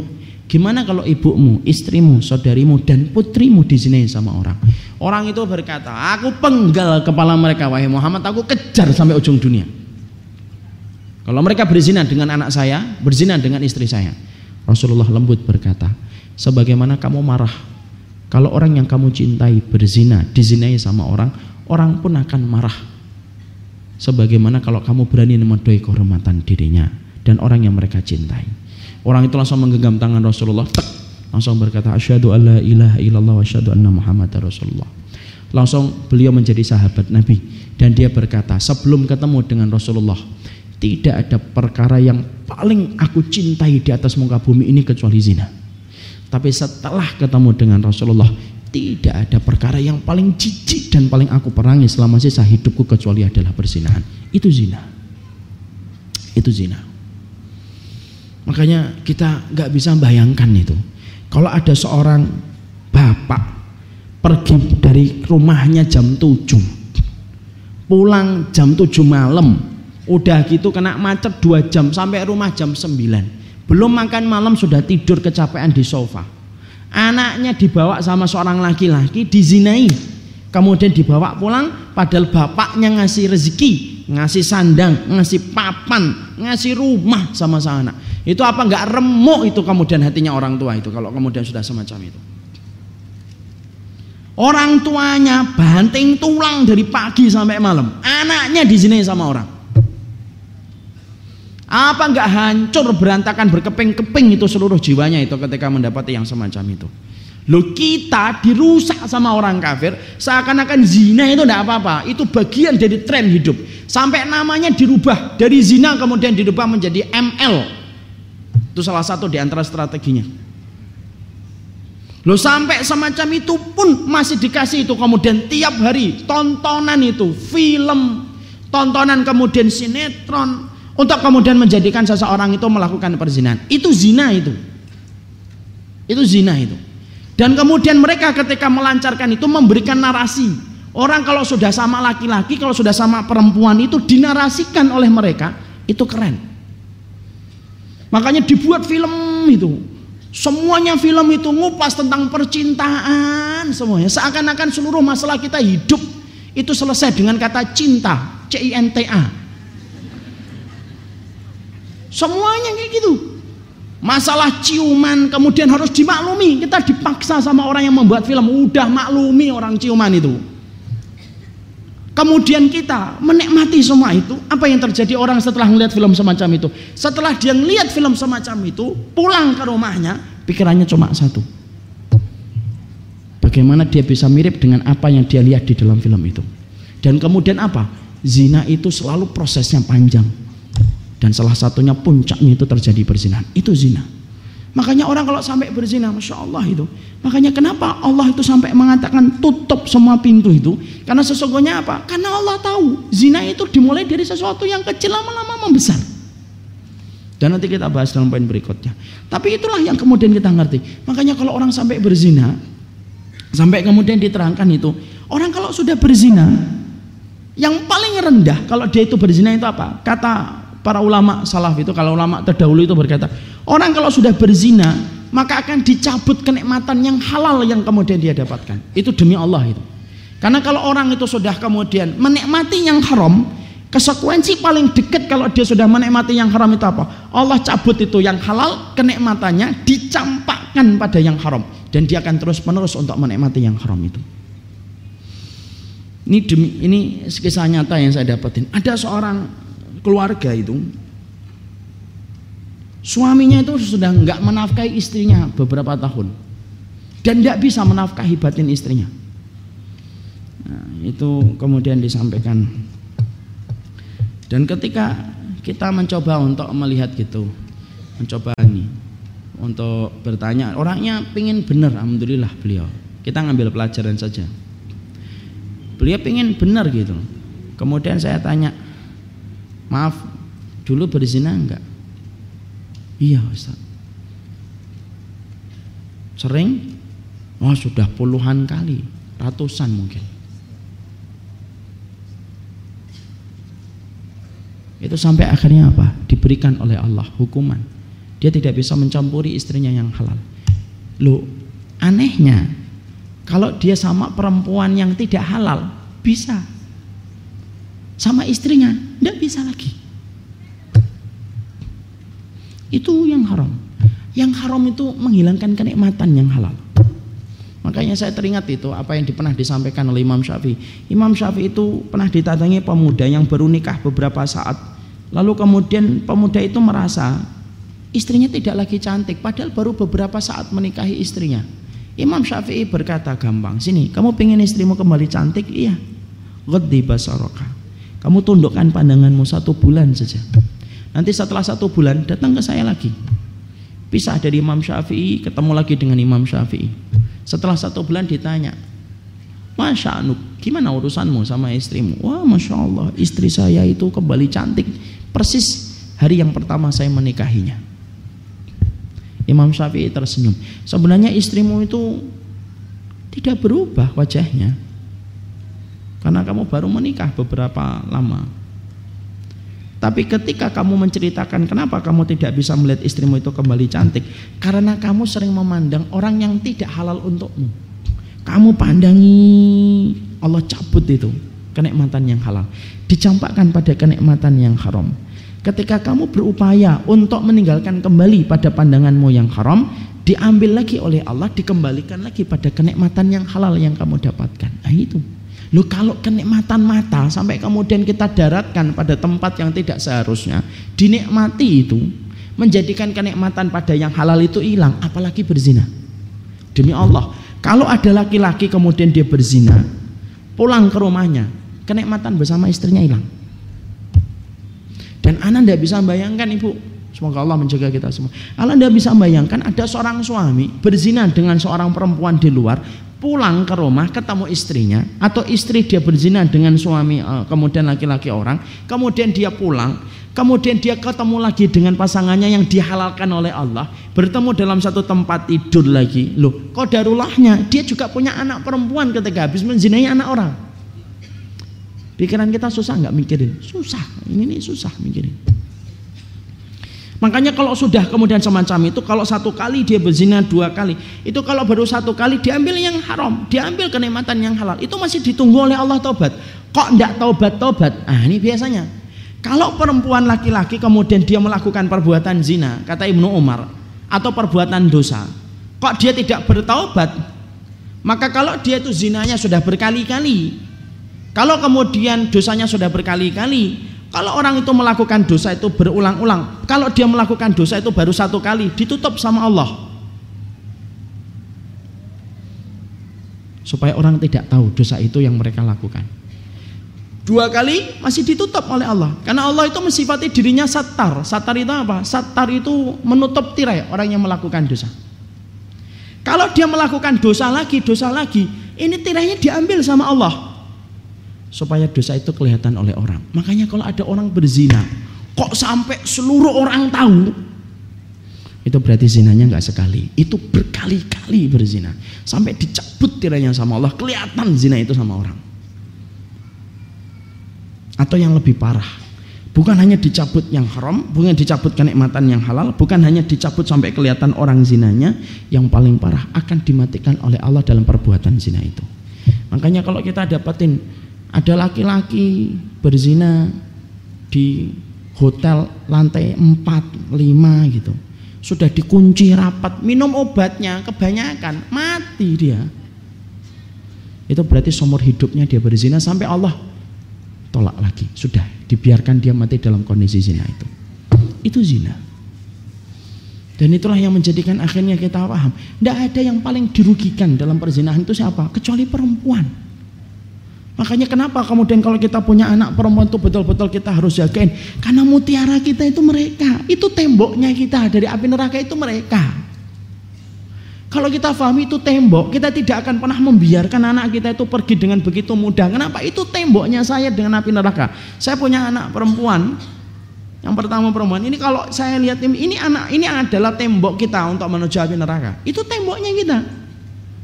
Tembok ini kemudian dibawa, kemudian ada kemungkinan rusak. Kira-kira kita nyaman atau tidak nyaman? Tidak nyaman. Oh, tembok saya dari api neraka kok. Makanya kemudian kita kalau sudah masalah pernikahan itu kenapa dalam Islam kok dimudahkan? Tidaklah Islam itu memudahkan pernikahan kecuali supaya menutup celah itu kemudian perzinahan. Makanya dalam Islam itu dimudah-mudahkan pernikahan itu. Makanya dalam Islam itu syaratnya menikah itu apa? Satu, walinya ridho mahar, ijab kabul sama dua orang saksi. Sama satu lagi, akhwatnya nerima lamaran kita. Ini. Cuma itu doang. Dalam Islam itu sama itu. Kenapa kok sampai sedemikian dihalalkannya dan dimudahkannya kita dalam pernikahan? Allah itu sampai menggampangkan dan meringankan tentang pernikahan cuma satu, supaya tidak tumpah airnya seorang laki-laki sebelum terjadinya ijab kabul. Itu yang Allah ingin sampaikan kepada kita. Makanya kalau kita ibu, kalau punya anak, selama kemudian sudah cukup untuk menikah, nikahin itu. Sudah nikahin saja. Dan tidak usah kemudian melihat umur terlalu beban dengan terlalu berat, umur harus 25, enggak. Dalam Islam itu disebut dengan kekuatan ba'ah. Kalau dia sudah ba'ah, sudah mampu melakukan kekuatan biologis dan kemampuan biologis, sudah nikahin. Kalau dia belum punya uang, kita yang ngasih dulu. Kenapa? Fungsinya harta kita tuh jaga anak kita dari api neraka. Jangan malah disusahkan gitu loh. Kadang-kadang kita dapetin anak kita mau nikah. Kemudian kita ngomong, Imam mau dikasih apa? Mau dikasih batu.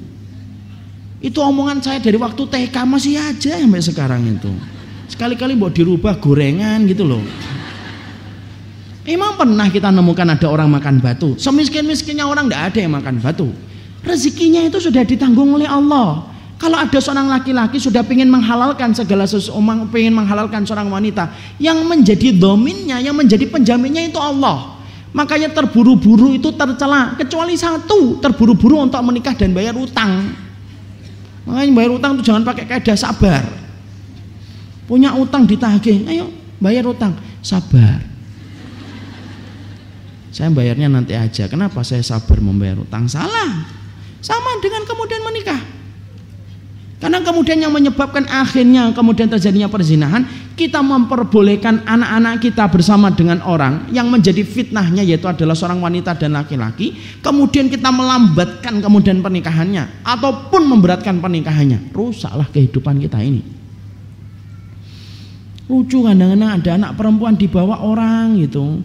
Bu saya ajak ya putrinya itu. Iya, sebelum jam 9 pulang ya Seakan-akan setan kalau belum jam 9 itu tidur. Padahal kemudian setan itu bergerilya setiap waktunya. Dan ingat, kalau laki-laki dan perempuan itu kemudian mereka sudah jatuh cinta, yang membuat semua tanpa indah itu setan. Kenapa? Supaya nanti puncaknya itu melakukan zina.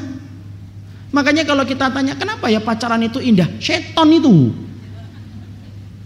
Kalau ada orang membuat lagu, semuanya indah tampak dirimu, bisikan ke orang itu, itu setan mas.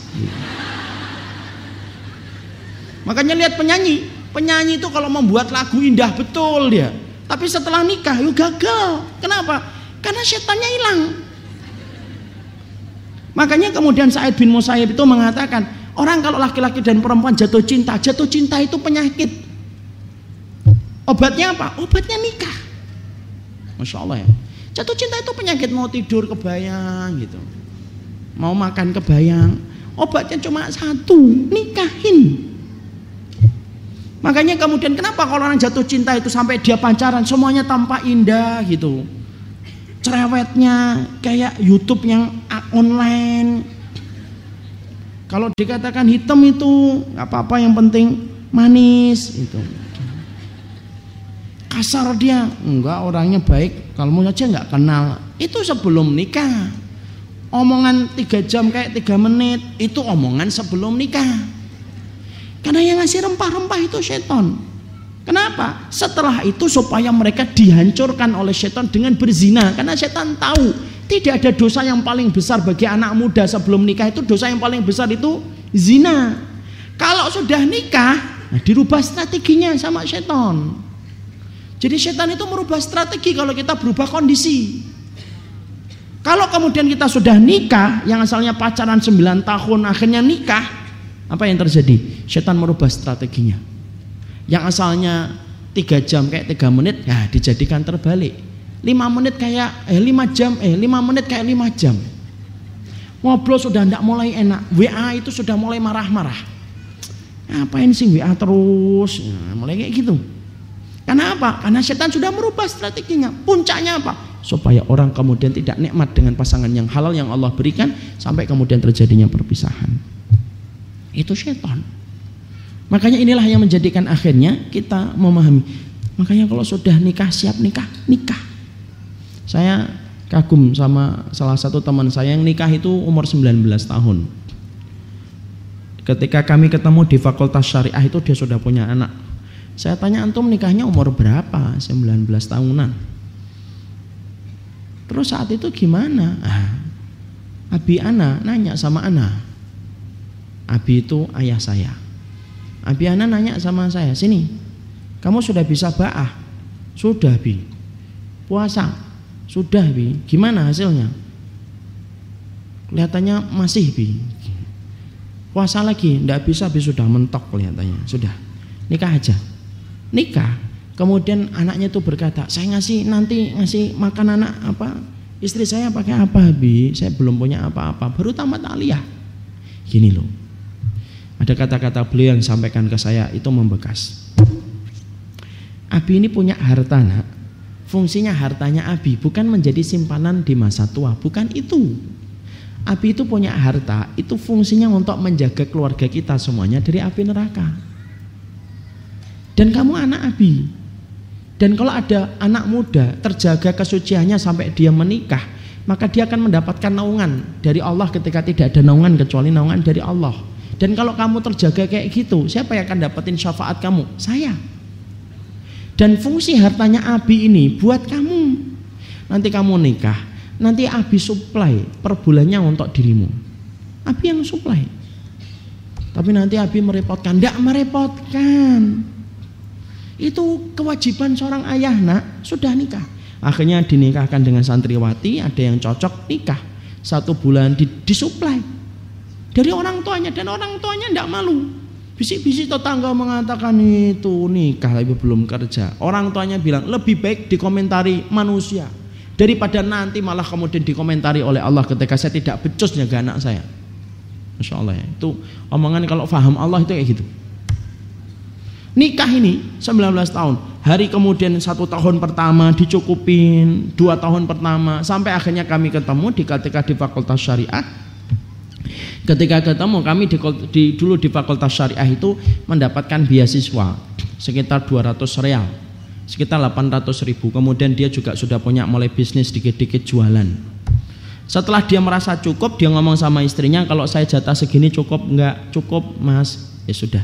Dia ngomong sama bapaknya bi, Insya Allah mulai bulan ini tidak usah lagi disuplai. Alhamdulillah Allah memberikan saya kelapangan rezeki, beasiswa sudah mulai turun, saya sudah punya sampingan, tolong tidak usah di lagi di Terus kemudian nabinya ngomong ya sudah, alhamdulillah tidak ada yang paling menggembirakan hatinya seorang ayah kecuali mendapati anaknya terjaga sampai kemudian pernikahan.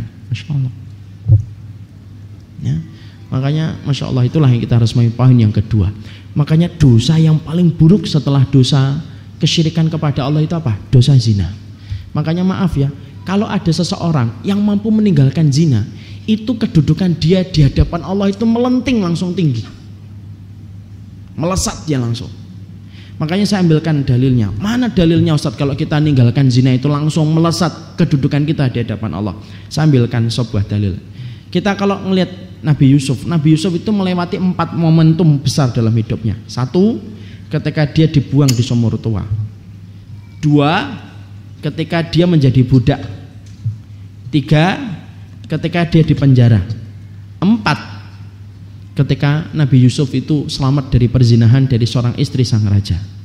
Di antara satu, dua, tiga, empat, mana yang paling dipuji oleh Allah dari Nabi Yusuf? Nomor satu, bukan. Dua, enggak. Tapi yang paling dipuji oleh Allah dari Nabi Yusuf itu selamatnya Yusuf dari perzinahan.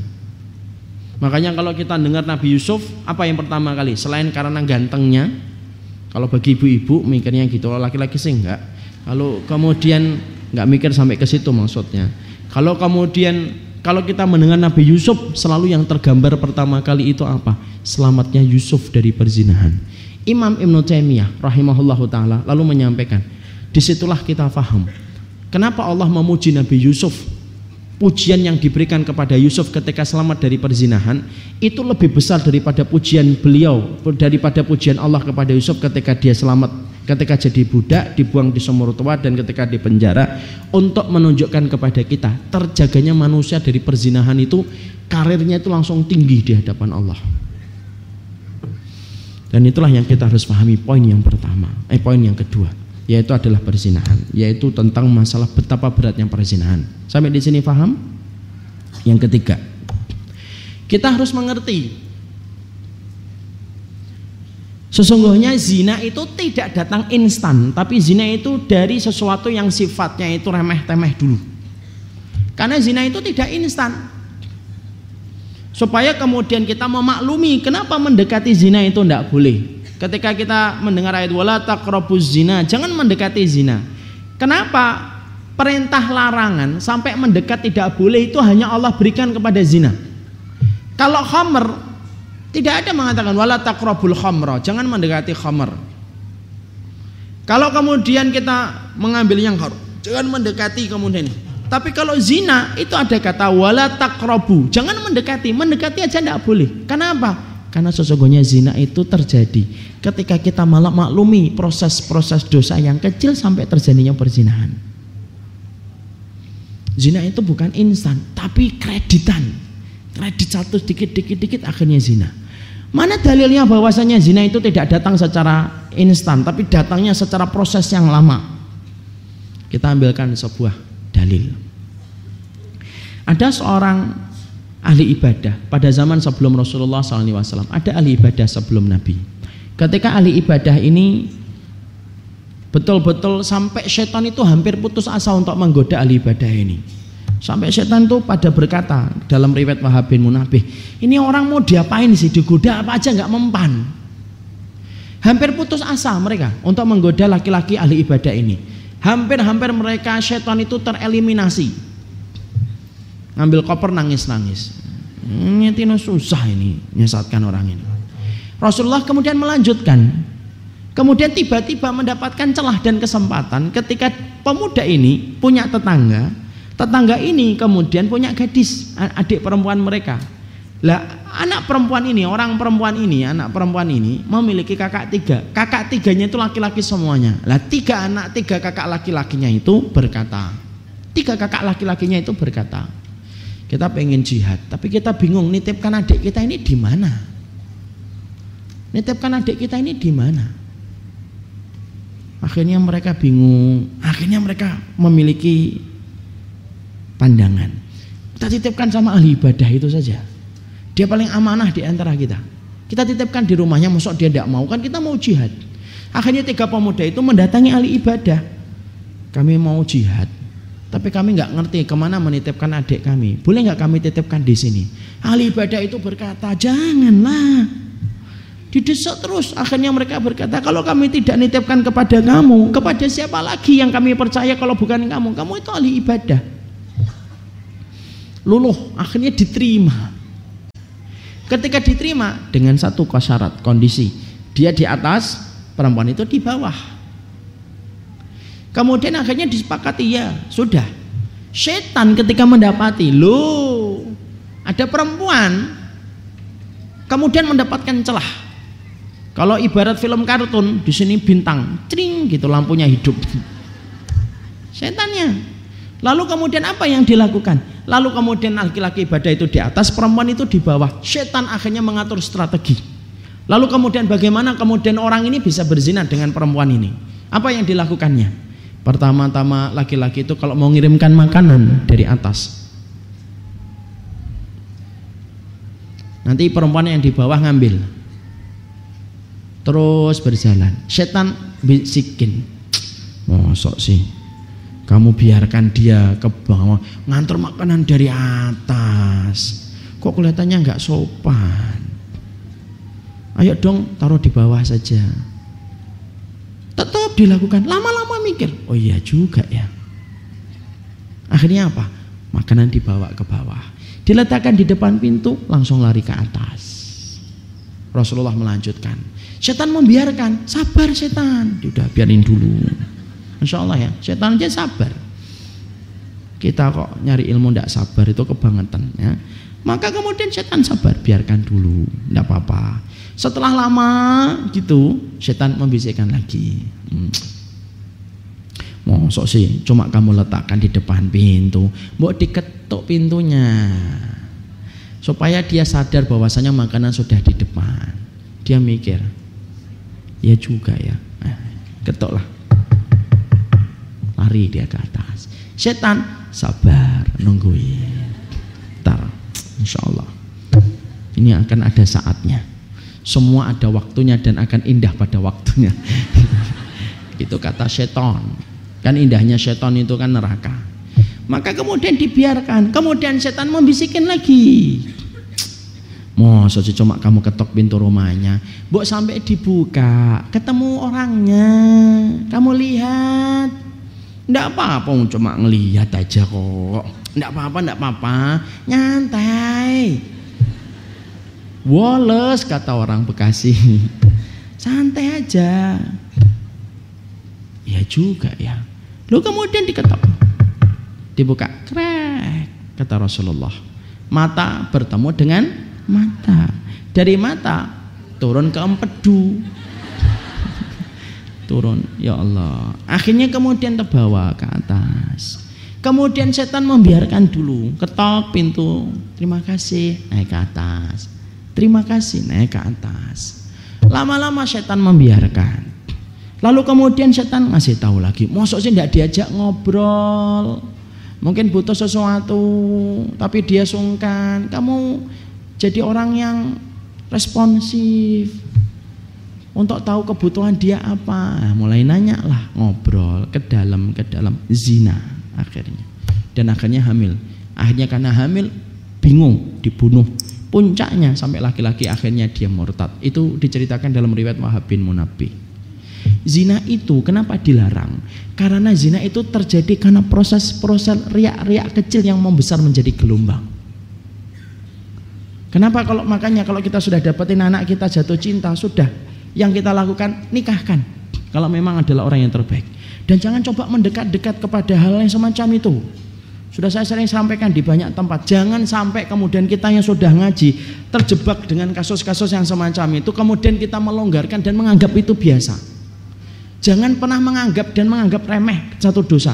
Apalagi dosa yang berkaitan laki-laki dan perempuan. Karena apa? Itu akan terjadinya riak perzinahan. Tidak usah kita sama-sama mungkin aktivis dakwah. Saling nanya-nanyain. Itu juga sama itu.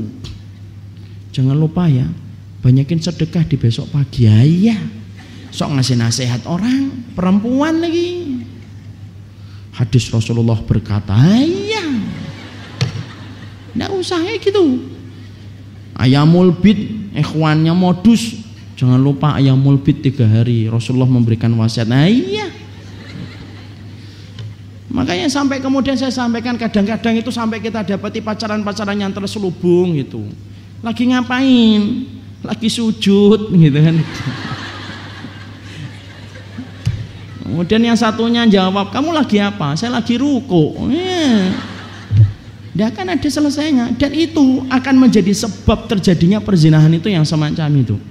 Ada yang mungkin berkilah, halo Ustaz cuma gitu aja kok kan kita nggak jalan berdua lu. Bisa jadi setelah kamu akrab ngobrol, nanti lama-lama membuat janjian di satu tempat. Ya di warung kopi itu enak kelihatannya, gorengannya anget, nah, iya. Lalu akhirnya terjadinya perzinahan. Nah itu yang kita harus pahami yang ketiga. Makanya ditutup celahnya, ditutup celahnya. Dan ibu-ibu maaf ya yang punya gadis-gadis yang di sini belum nikah, tidak usah melembut-lembutkan sama laki-laki kalau belum mahramnya. Lembutnya itu nanti aja kalau sudah nikah, jangan dibalik. Sebelum nikah lembutnya luar biasa, setelah nikah kuasarnya luar biasa. Salah itu. Jadi kalau kemudian kita akhwat-akhwat di sini nih, kalau kemudian mulai ditelepon ikhwan-ikhwan itu langsung tuh the point gitu. Langsung tanya, langsung apa maunya? Assalamualaikum mufti, ya mau apa?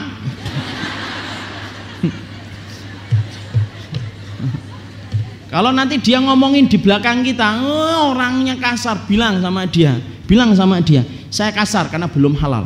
Tapi kalau dia sudah menghalalkan saya, saya adalah mutiara yang paling lembut di atasmu kamu. Jadi begitu.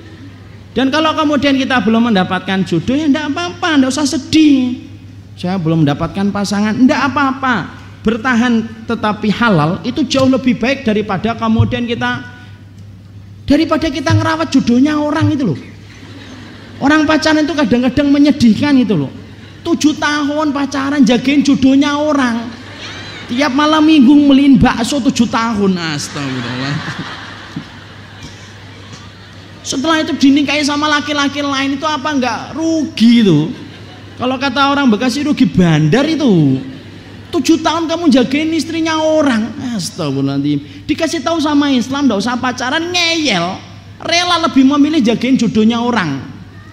Udah gitu terus kemudian akhirnya apa? Terus kemudian akhirnya ketika nikah yang disalahkan orang nikah itu kan lucu. Hari ini ada orang nikah dibully. Orang pacaran dimaklumi. Saya itu bingung saya itu.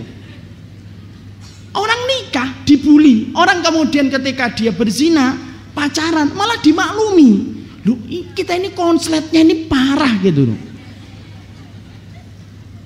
Orang nikah itu didoakan ente nggak suka latar belakangnya. Oh sudah lah oh, sudah nikah kok. Oh nikah kok dibully. Ente kalau nikah dibully orang aja nggak mau kok. Lu orang pacaran dimaklumi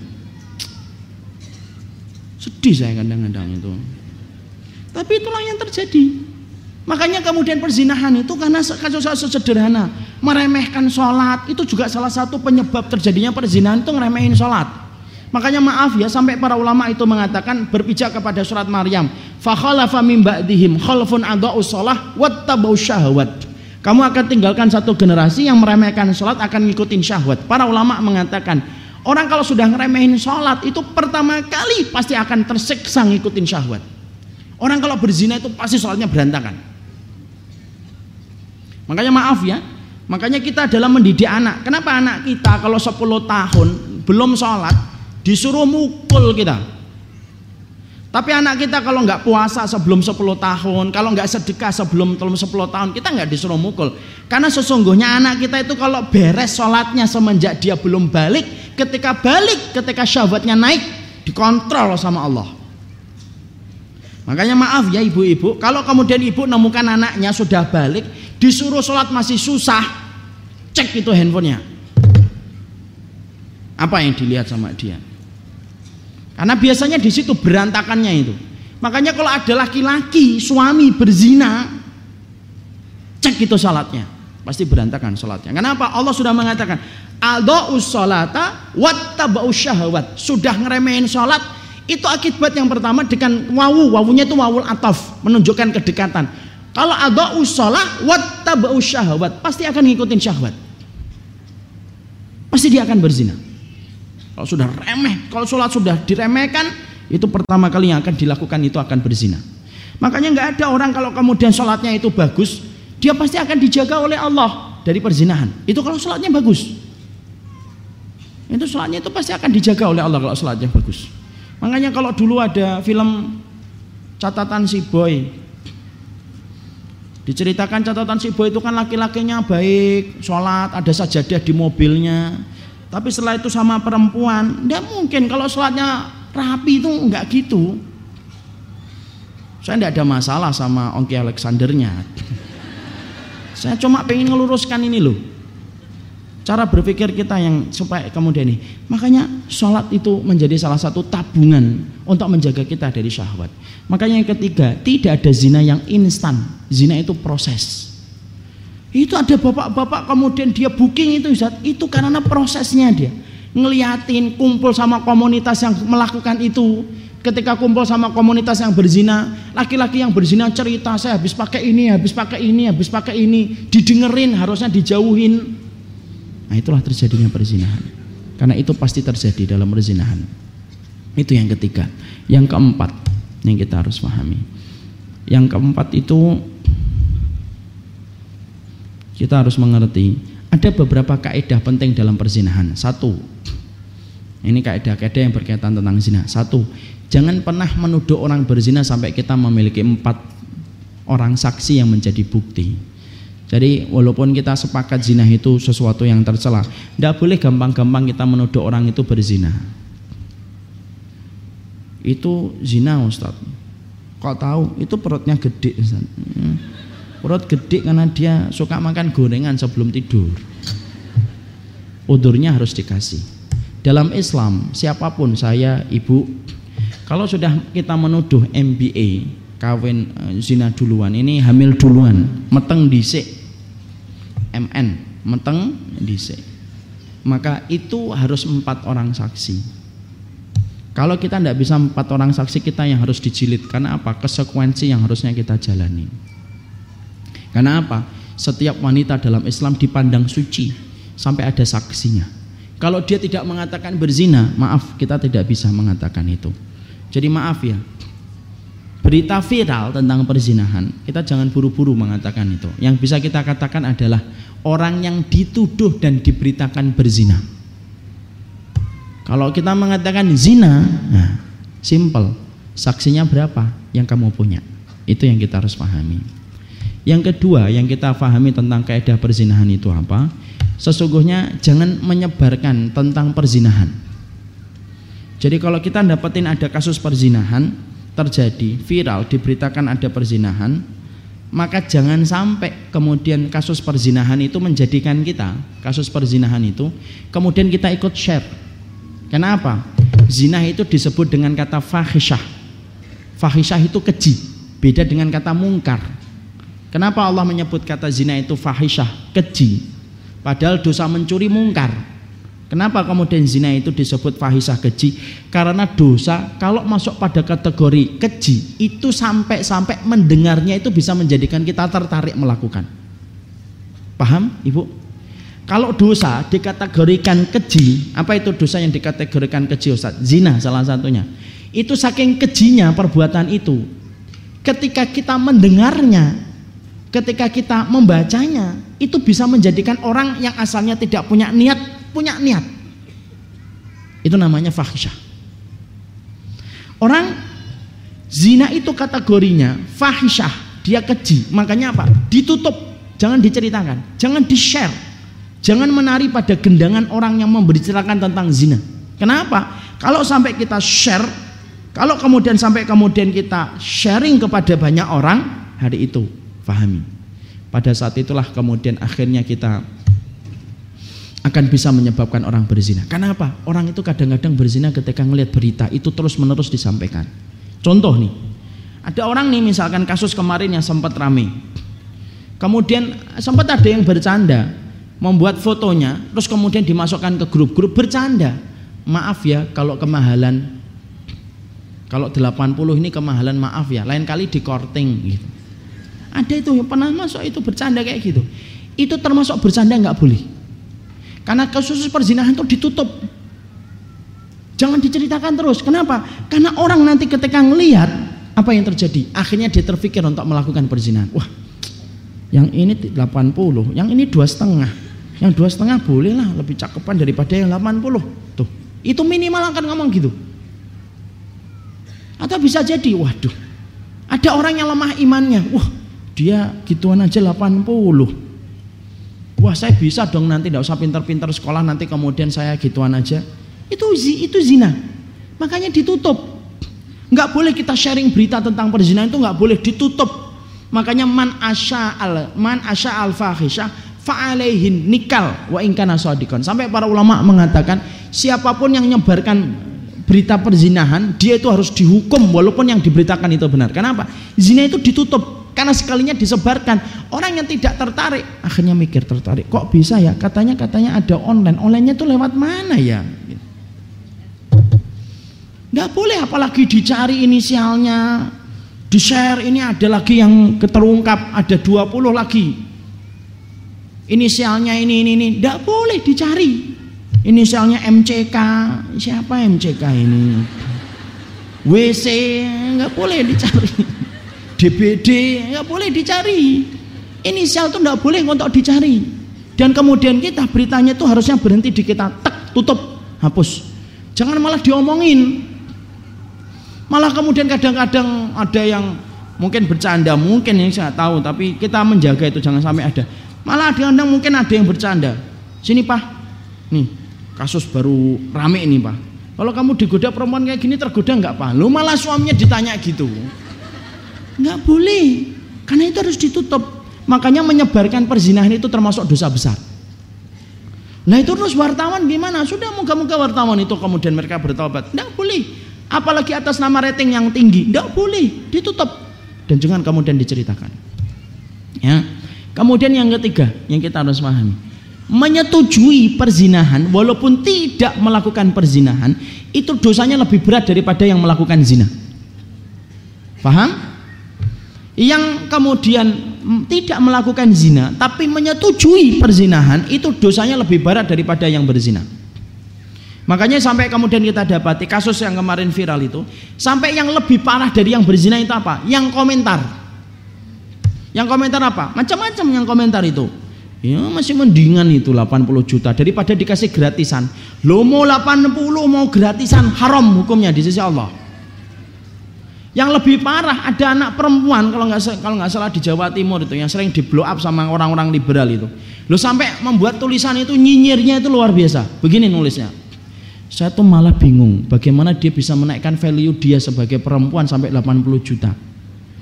Padahal ada perempuan-perempuan di sekitar saya itu disuruh masak, disuruh nyusuin anak, disuruh mijitin.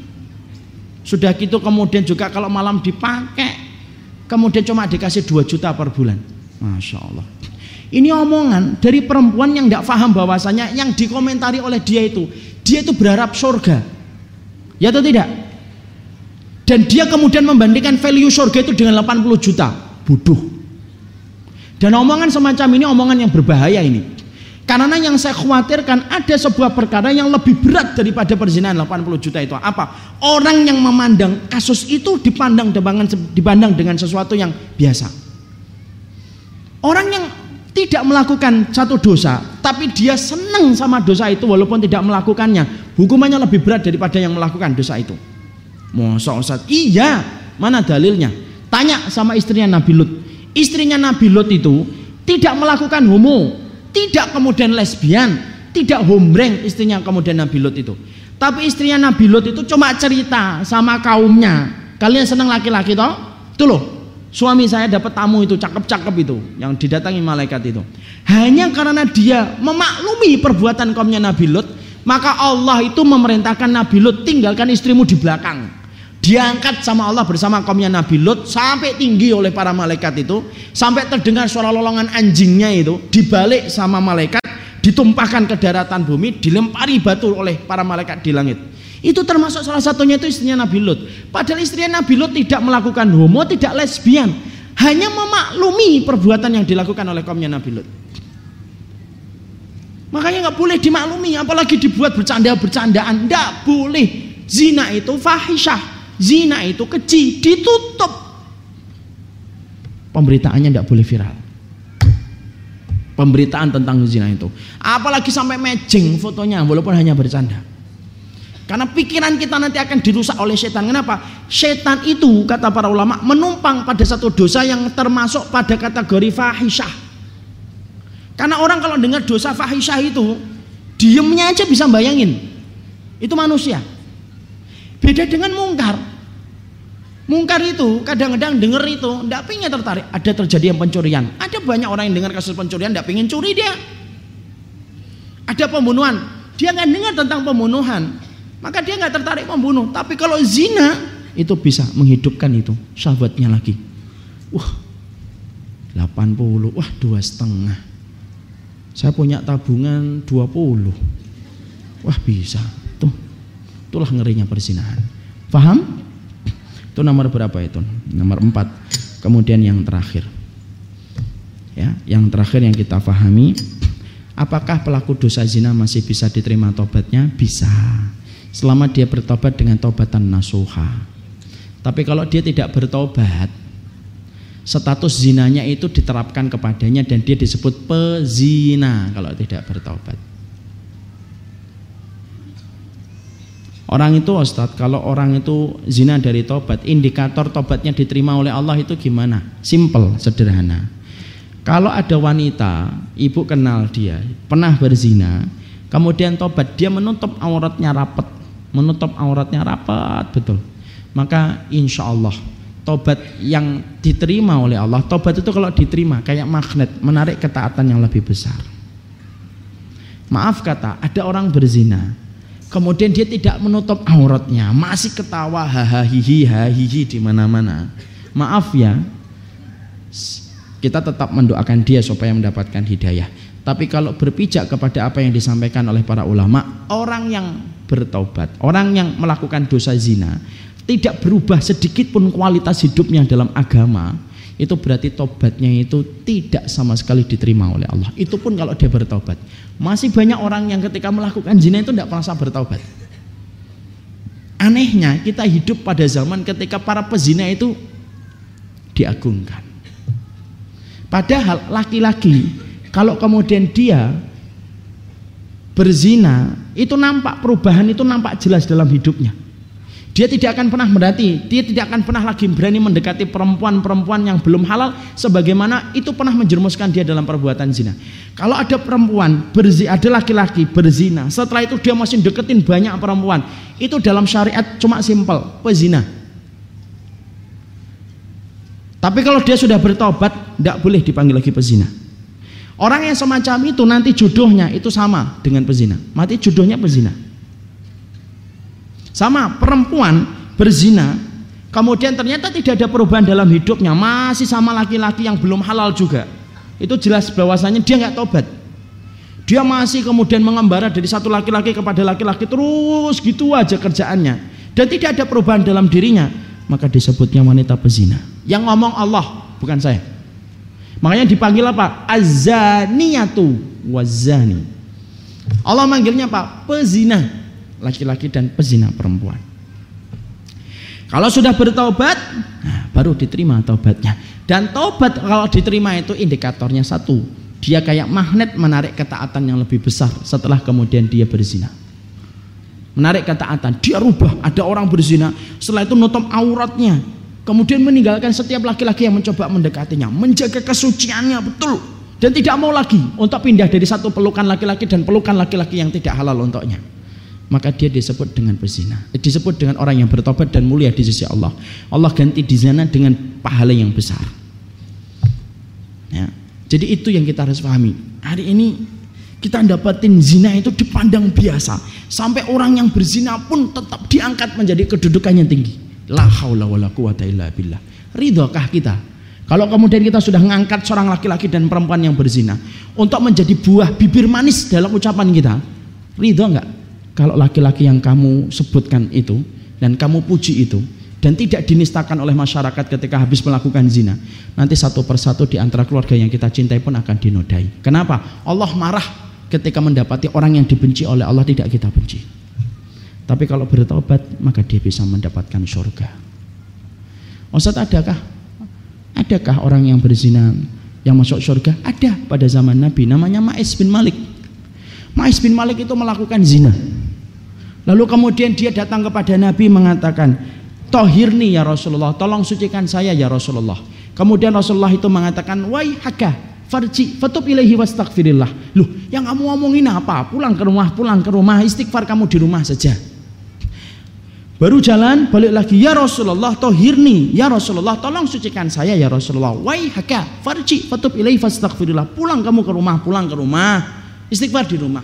Lo bolak balik itu sampai empat kali. Sampai Nabi itu kemudian akhirnya bertanya, Fima utohiruka. Lo kamu minta dibersihkan apa? Dari zina ya Rasulullah. Rasulullah tidak langsung membenarkan. Rasulullah kemudian langsung tabayun dulu. Itulah Nabi. Tabayun dia kepada para sahabat. Ayashrabul khamra ini jangan-jangan membuat keputusan membuat apa pengakuan dirinya mabuk jangan-jangan dia mabuk membuat pengakuan dia zina Para sahabat ada yang berdiri fastangkahu wa najid min huriha khamrin. Ada yang mencoba mulutnya dan berkata, "Dia enggak mabuk ya Rasulullah." Jangan-jangan dia gila. Ya Rasulullah, Ma'is bin Malik tidak gila. Kemudian akhirnya Rasulullah nanya, "Kamu benar berzina?" "Iya ya Rasulullah." "Sebagaimana timba masuk dalam sumur?" "Iya." "Sebagaimana kemudian celak masuk dalam tempatnya?" "Iya ya Rasulullah." Kemudian baru dihukumi dengan hukuman zina. Dirajam. Dan ketika dirajam meninggal dunia gempar itu masyarakat sahabat terbagi menjadi dua kata Abu Hurairah. Fangqasamal ila kismaini. Kemudian terbagi menjadi dua kelompok dua kubu. Kubu yang pertama mengatakan Ma'is bin Malik matinya berzina kemudian dia belum mengganti dengan kebaikan. Su'ul khatimah. Kelompok yang kedua berkata ndak sesungguhnya Ma'is bin Malik matinya dalam kondisi husnul khatimah karena ketakutan ia kepada api neraka menjadikan dia minta hukumannya disegerakan di dunia Rasulullah kemudian ketika mendapati manusia terbagi menjadi dua kelompok dan bertengkar, mereka panas itu, Nabi mendiamkan. Kenapa Nabi mendiamkan? Saat itu belum turun wahyu. Sampai kemudian dua atau tiga hari barulah kemudian turun wahyu memberitakan apa yang sudah didapatkan oleh Ma'is bin Malik. Rasulullah berkata, dah jangan bertengkar lagi tentang Ma'is bin Malik. Taubatnya Ma'is bin Malik sudah diterima oleh Allah Subhanahu wa taala Kalaulah Ma'is bin Malik diberikan izin ngasih syafaat oleh Allah, ada 70 penduduk Madinah yang akan mendapatkan syafaat dari Ma'is bin Malik. 70 penduduk Madinah dapat syafaatnya Ma'is bin Malik. Kalau Allah ngasih izin untuk dia memberikan syafaat. Pezina masuk surga bisa ngasih syafaat. Kapan? Kalau dia bertobat dengan tobatan nasuha. Kalau dia tidak bertobat, maka ketika mati di alam barzah ditaruh di tanur. Tahu tanur? Tanur itu periuk raksasa dididihkan oleh Allah sampai nanti hari kiamat. Siapa yang ditaruh di dalam tanur? Orang yang berzina dan tidak bertobat sampai dia mati ditaruh di dalam tanur sampai hari kiamat belum lagi hukuman nanti di akhirat. Dan mereka dikatakan sebagai ahlul khuruj, Mereka nanti kalau berzina apakah nanti tidak bisa masuk surga Ustaz? Bisa, tapi lama di dalam neraka. Saking lamanya hampir mirip dengan orang yang kekal di dalam neraka.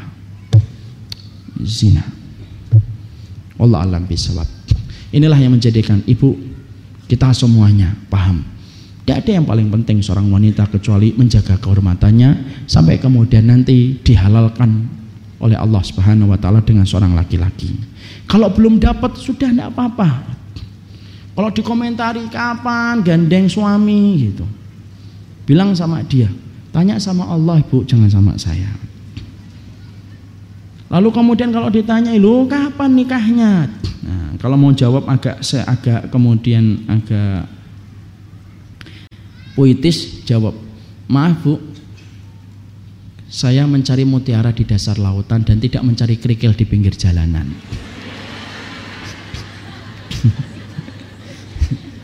Kemudian ibu itu karena sudah sepuh tidak paham. Oh saya nanya suami kok kamu bilang mutiara. Nah, nah.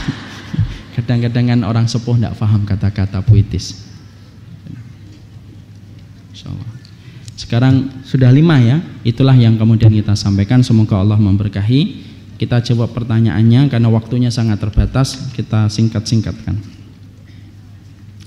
Apa hukumnya laki-laki yang ingin menghalalkan seorang wanita yang pernah dizinai? Status laki itu sudah menikah.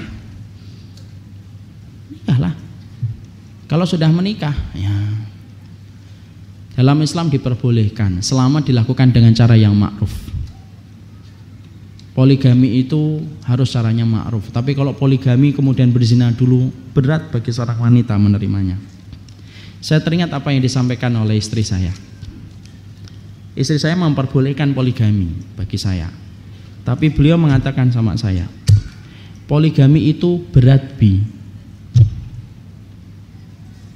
Jangan ditambah beratnya poligami dengan melakukan yang haram sebelum nanti poligami itu terjadi. Karena apa? Itu double ujiannya bagi perempuan.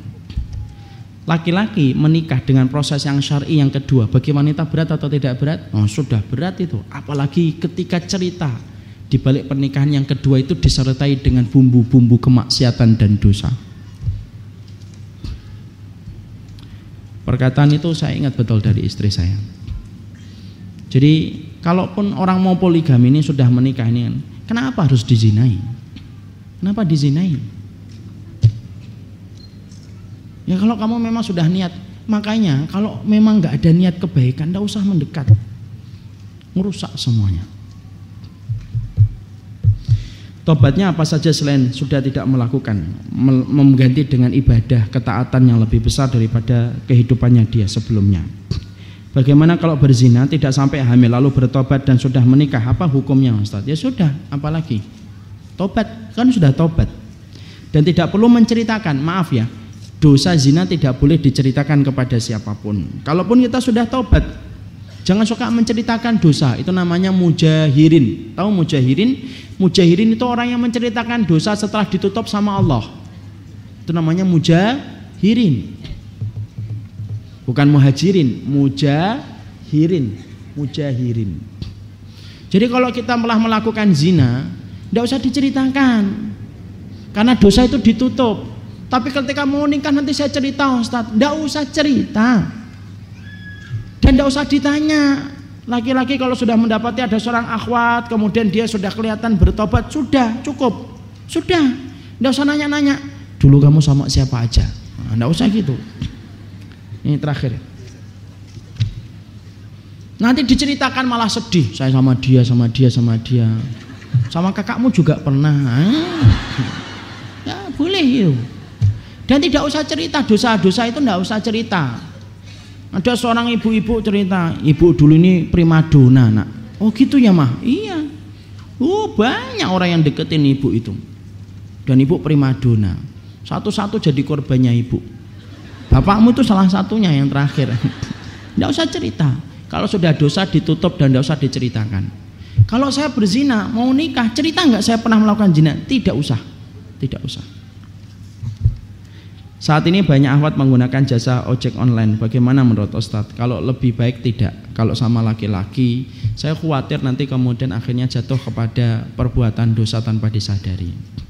Lebih baik sama kakaknya atau kemudian di transportasi online, transportasi umum itu meminimalisir. Kalau sama ojek online kan berduaan, berduaan dia, ya kan? Ya siapa yang bisa menjaga fitnah? Kalau tiba-tiba ternyata ojek online-nya orang yang wangi gitu kan di belakang, wangi betul ya ojeknya ini. Nah itu di situlah nanti setan akan berkata, ah, sabar, bentar lagi. Sebagaimana tadi yang saya sampaikan. Ketika ada seorang wanita berpacaran diingatkan itu kan urusan gue.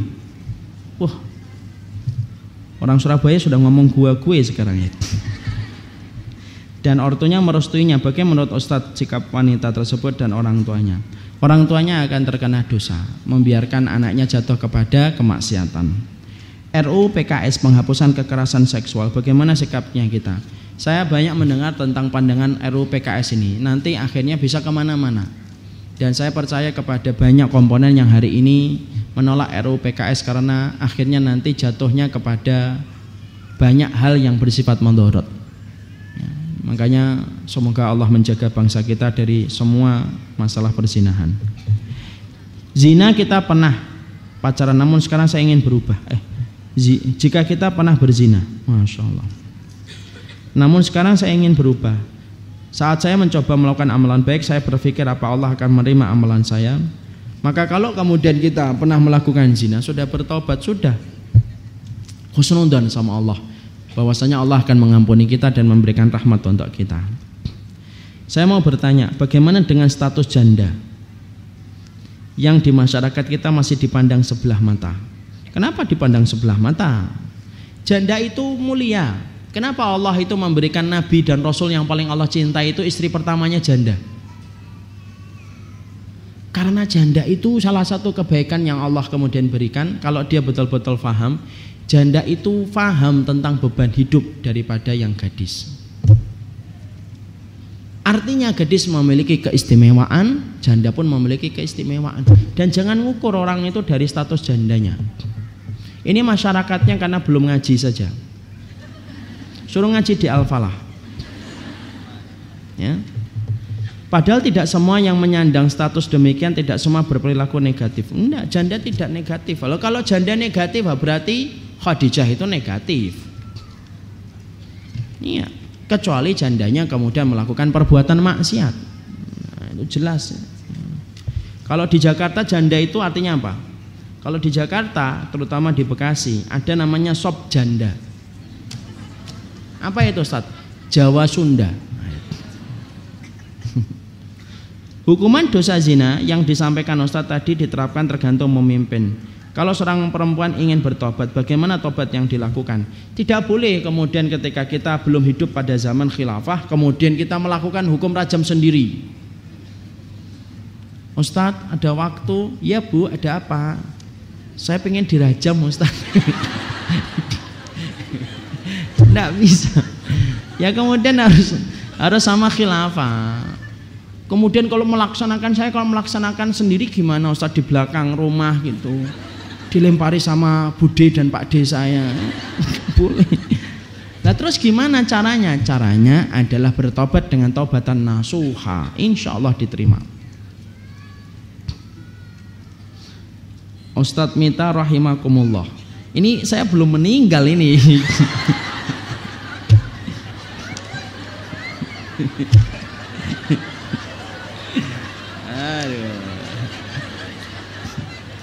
Saya mau pulang ah kalau kayak gini. ini siapa lagi ini Ini tumben-tumbennya saya manggil Ustadz Mita. Saya nggak pernah dipanggil Ustadz Mita. Yang manggil Mita itu keluarga inti saya. Siapa yang manggil saya? Saya dipanggilnya Umar atau Abu Basam. Apabila seseorang pada masa lalunya pernah berzina dengan pacar tapi kemudian menikah dengan pacarnya setelah belajar dan memahami agama, pasangan ini insaf dan tobat. Bagaimana cara bertobatnya? Itu sudah mempelajari agama. Berarti itu menunjukkan status tobatnya diterima oleh Allah insya Allah. Apakah cukup istighfar? Oh, enggak bisa. Harus tobat nasuha, meninggalkan, memperbanyak sodakoh. Kalau nanti sodakoh, Salah satu niatnya kalau sodakoh ini untuk mengganti dosa zina yang pernah saya lakukan di waktu lampau. Kadang-kadang suami istri bangun, sholat malam bareng-bareng niatnya. Sang suami ngomong kita niatkan ya sholat tahajud kita bisa menghapuskan dosa zina yang pernah kita lakukan. Itu.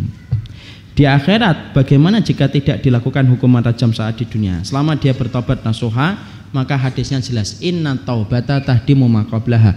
Tobat itu menghapuskan seluruh dosa sebelum-sebelumnya. Lebih baik mana Ustadz? Dulu saya ingin menikah dengan orang desa dan berjanji kepada ibu untuk merawatnya kelak di hari tua. Namun setelah saya ke kota, saya ingin tinggal di kota, menikah dengan orang kota.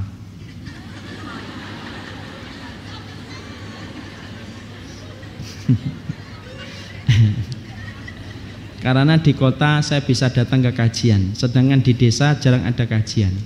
Saya takut susah menjaga iman saat di desa, sebab lingkungan kurang mendukung. Apakah saya berdosa, Ustadz? Jika suatu saat Allah menakdirkan saya berjodoh dengan orang kota.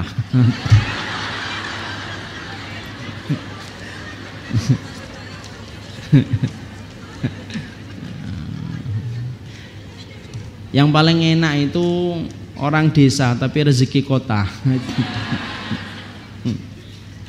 ya ndak namanya juga keinginannya boleh-boleh saja. Saya pengen menikahi dia. Tapi dia tidak mau nikah sama kita ya enggak dosa. Lalu jangan sampai kita datangi ikhwannya. Saya akhi, kalau antum tidak nikahin saya saya berdosa. Lu kenapa? Karena saya sudah berjanji kepada diri saya, saya akan menerima pinangan kamu. Loh kan saya nggak pernah minang kamu. ya kan gitu, contohnya itu kayak gitu. Penghalalan zina sekarang bahkan sampai pada RU penghapusan kekerasan seksual di mana kalau zina suka sama suka dibolehkan tapi suami yang memaksa istri berhubungan badan sedangkan tidak mau. Padahal Allah jika memerintahkan wanita yang sudah menikah memang selalu siap melayani suami dalam kondisi apa pun. Iya. Kenapa ibu? Ada kan yang salah paham itu. Orang yang tidak paham itu. Orang itu kalau solih, maaf ya saya harus bicara. Orang kalau semakin solih itu syahwatnya semakin besar. Dengan pasangan halalnya.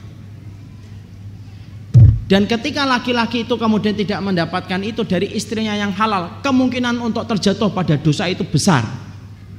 Makanya sampai hadis Nabi itu mengatakan apa? Sampai kalaupun kamu mau melahirkan di atas onta, turun dulu. Sampai hadisnya kan begitu. Rasulullah itu tidak mungkin salah. Tidak mungkin salah. Lah kalau Rasulullah itu salah, syariat Allah itu salah, terus yang benar siapa? Pak Demu. Nah Allah dan Rasulnya itu tidak pernah salah. Kalau kemudian suaminya bisa menahannya, alhamdulillah. Tapi kalau dia mengatakan saya tidak bisa, itu kemudian memang harus kemudian dilayani. Dan itu balasannya dari Allah, yaitu adalah surga. Kalau kemudian diterangkan itu kemudian nanti boleh dituntut suaminya, lu kok dituntut? Dia punya hak kok. Yang dituntut itu kalau melakukan kekerasan, nah itu dituntut boleh. Oh, dia meminta haknya. Lah masalahnya ketika disalurkan pada yang haram jatinya dosa besar atau tidak? Dosa besar. Makanya ketika disalurkan pada yang halal jatinya pahalanya besar. Dan harus diniatkan karena Allah. Kalau tidak diniatkan karena Allah ya tidak bisa.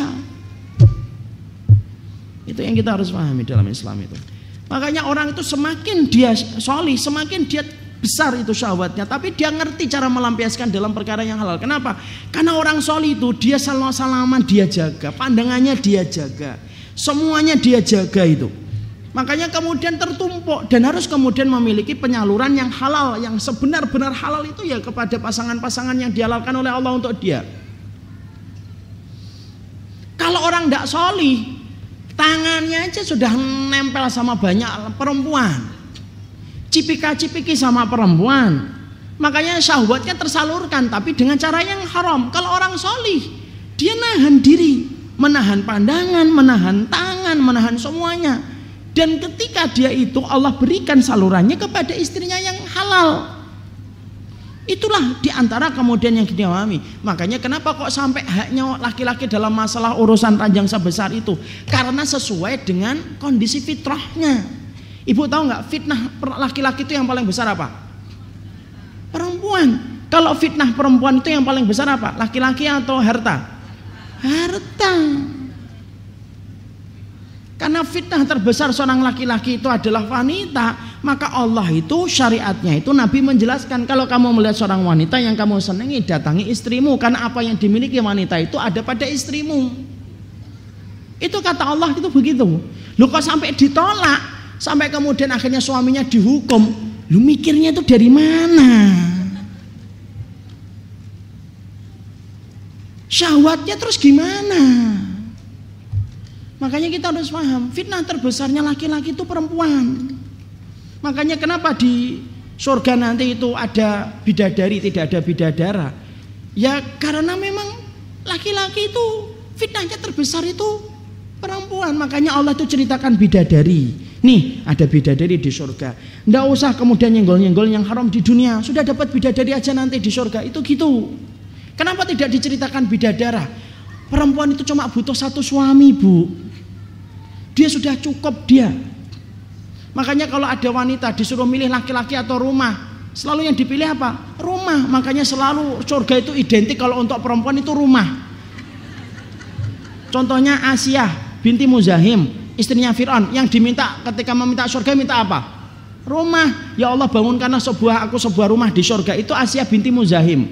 Ketika Allah memberikan kabar gembira kepada Ibunda Khadijah, diceritakan kepada Ibunda Khadijah apa? Rumah atau tidak? rumah Allah memberitakan kepada dirimu tentang sebuah rumah di surga karena fitrahnya perempuan itu sama rumah kalau laki-laki fitrahnya enggak rumah fitrahnya wanita yang dihalalkan untuknya makanya wanita kalau ngomong itu saya enggak apa-apa saya enggak dapat rumah di surga yang penting dapat bidadari. Gitu kan gitu. Karena itu fitrahnya dia. Makanya masya Allah itu itu yang kita harus pahami dari fitrah. Dan maaf ya wali dzakaru kal unsa laki-laki tidak sama dengan perempuan. Jangan memaksakan laki-laki dan perempuan itu sama, beda. Kalau kita atas nama emansipasi kemudian menyamakan antara laki-laki dan perempuan, berarti kita tidak paham ayat. Allah tidak pernah menyamakan laki-laki dan perempuan karena beda. Fitrahnya laki-laki, fitnahnya perempuan, fitnahnya perempuan harta. Makanya kenapa kalau perempuan kalau di pasar itu muter sampai tujuh kali tidak capek? Ya karena dia di tempat fitrahnya, fitnahnya dia di situ ke mall lantai sampai tujuh nawar barang bandingkan yang di bawah. Ke bawah beda 500 naik lagi ke tujuh. Itu perempuan. Kalau laki-laki itu ya sudah lah cuma 500 saja itu laki-laki tidak paham sifatnya perempuan. Makanya kalau ada laki-laki dan perempuan di pasar laki-lakinya hilang suaminya, insya Allah tidak dicari suaminya itu. Karena wanita sudah nyaman di tempat fitnahnya dia. Kecuali satu, dompetnya istri kebawa suami. Nah, itu dicari. dicari mana suami saya? Makanya perhatikan kalau ada suami istri suami istri itu pergi ke mall itu Istrinya masuk ke toko kain itu. Wah, di toko kain itu dua jam, tiga jam tidak keluar-keluar.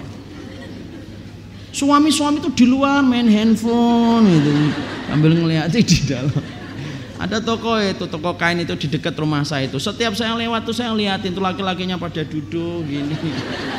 Perempuannya asik tanya tentang kain, karena dia berada pada tempat fitrahnya. Makanya saya pernah ditanya sama ibu-ibu, Ustadz kenapa ya laki-laki itu kalau bicara poligami semangat? Alah bu, bu itu tuh fitrahnya dia, tidak apa-apa. Kalau suami masih ngomongin tuh berarti masih normal. Yang nggak normal tuh kalau suami kita harus udah nggak ngomongin poligami diem-diem, nah itu bahaya itu biasanya. Dan suami itu biasanya kalau ngomongin banyak suami itu kalau di luar tuh kayak macan bu, tapi kalau sudah pulang ke rumah kucing dia. meong meong di rumah. Barakallahu fikum ini yang dapat kita sampaikan dalam pertemuan kali ini. Maaf kalau ada bercanda yang berlebihan, ada kata-kata yang kurang berkenan. Saya mohon maaf sebesar-besarnya. Semoga Allah memberikan keberkahan. Semoga ibu-ibu terjaga terus kehormatannya sampai Allah memafatkan kita dan semoga kita selalu dapat menjadi tembok untuk orang tua kita. Semoga setiap wanita di sini akan menjadi tembok penghalang orang tua orang tua kita dari pintu-pintu api neraka. Barakallahu fikum ini yang dapat saya sampaikan. Saya serahkan kembali kepada pembawa acara.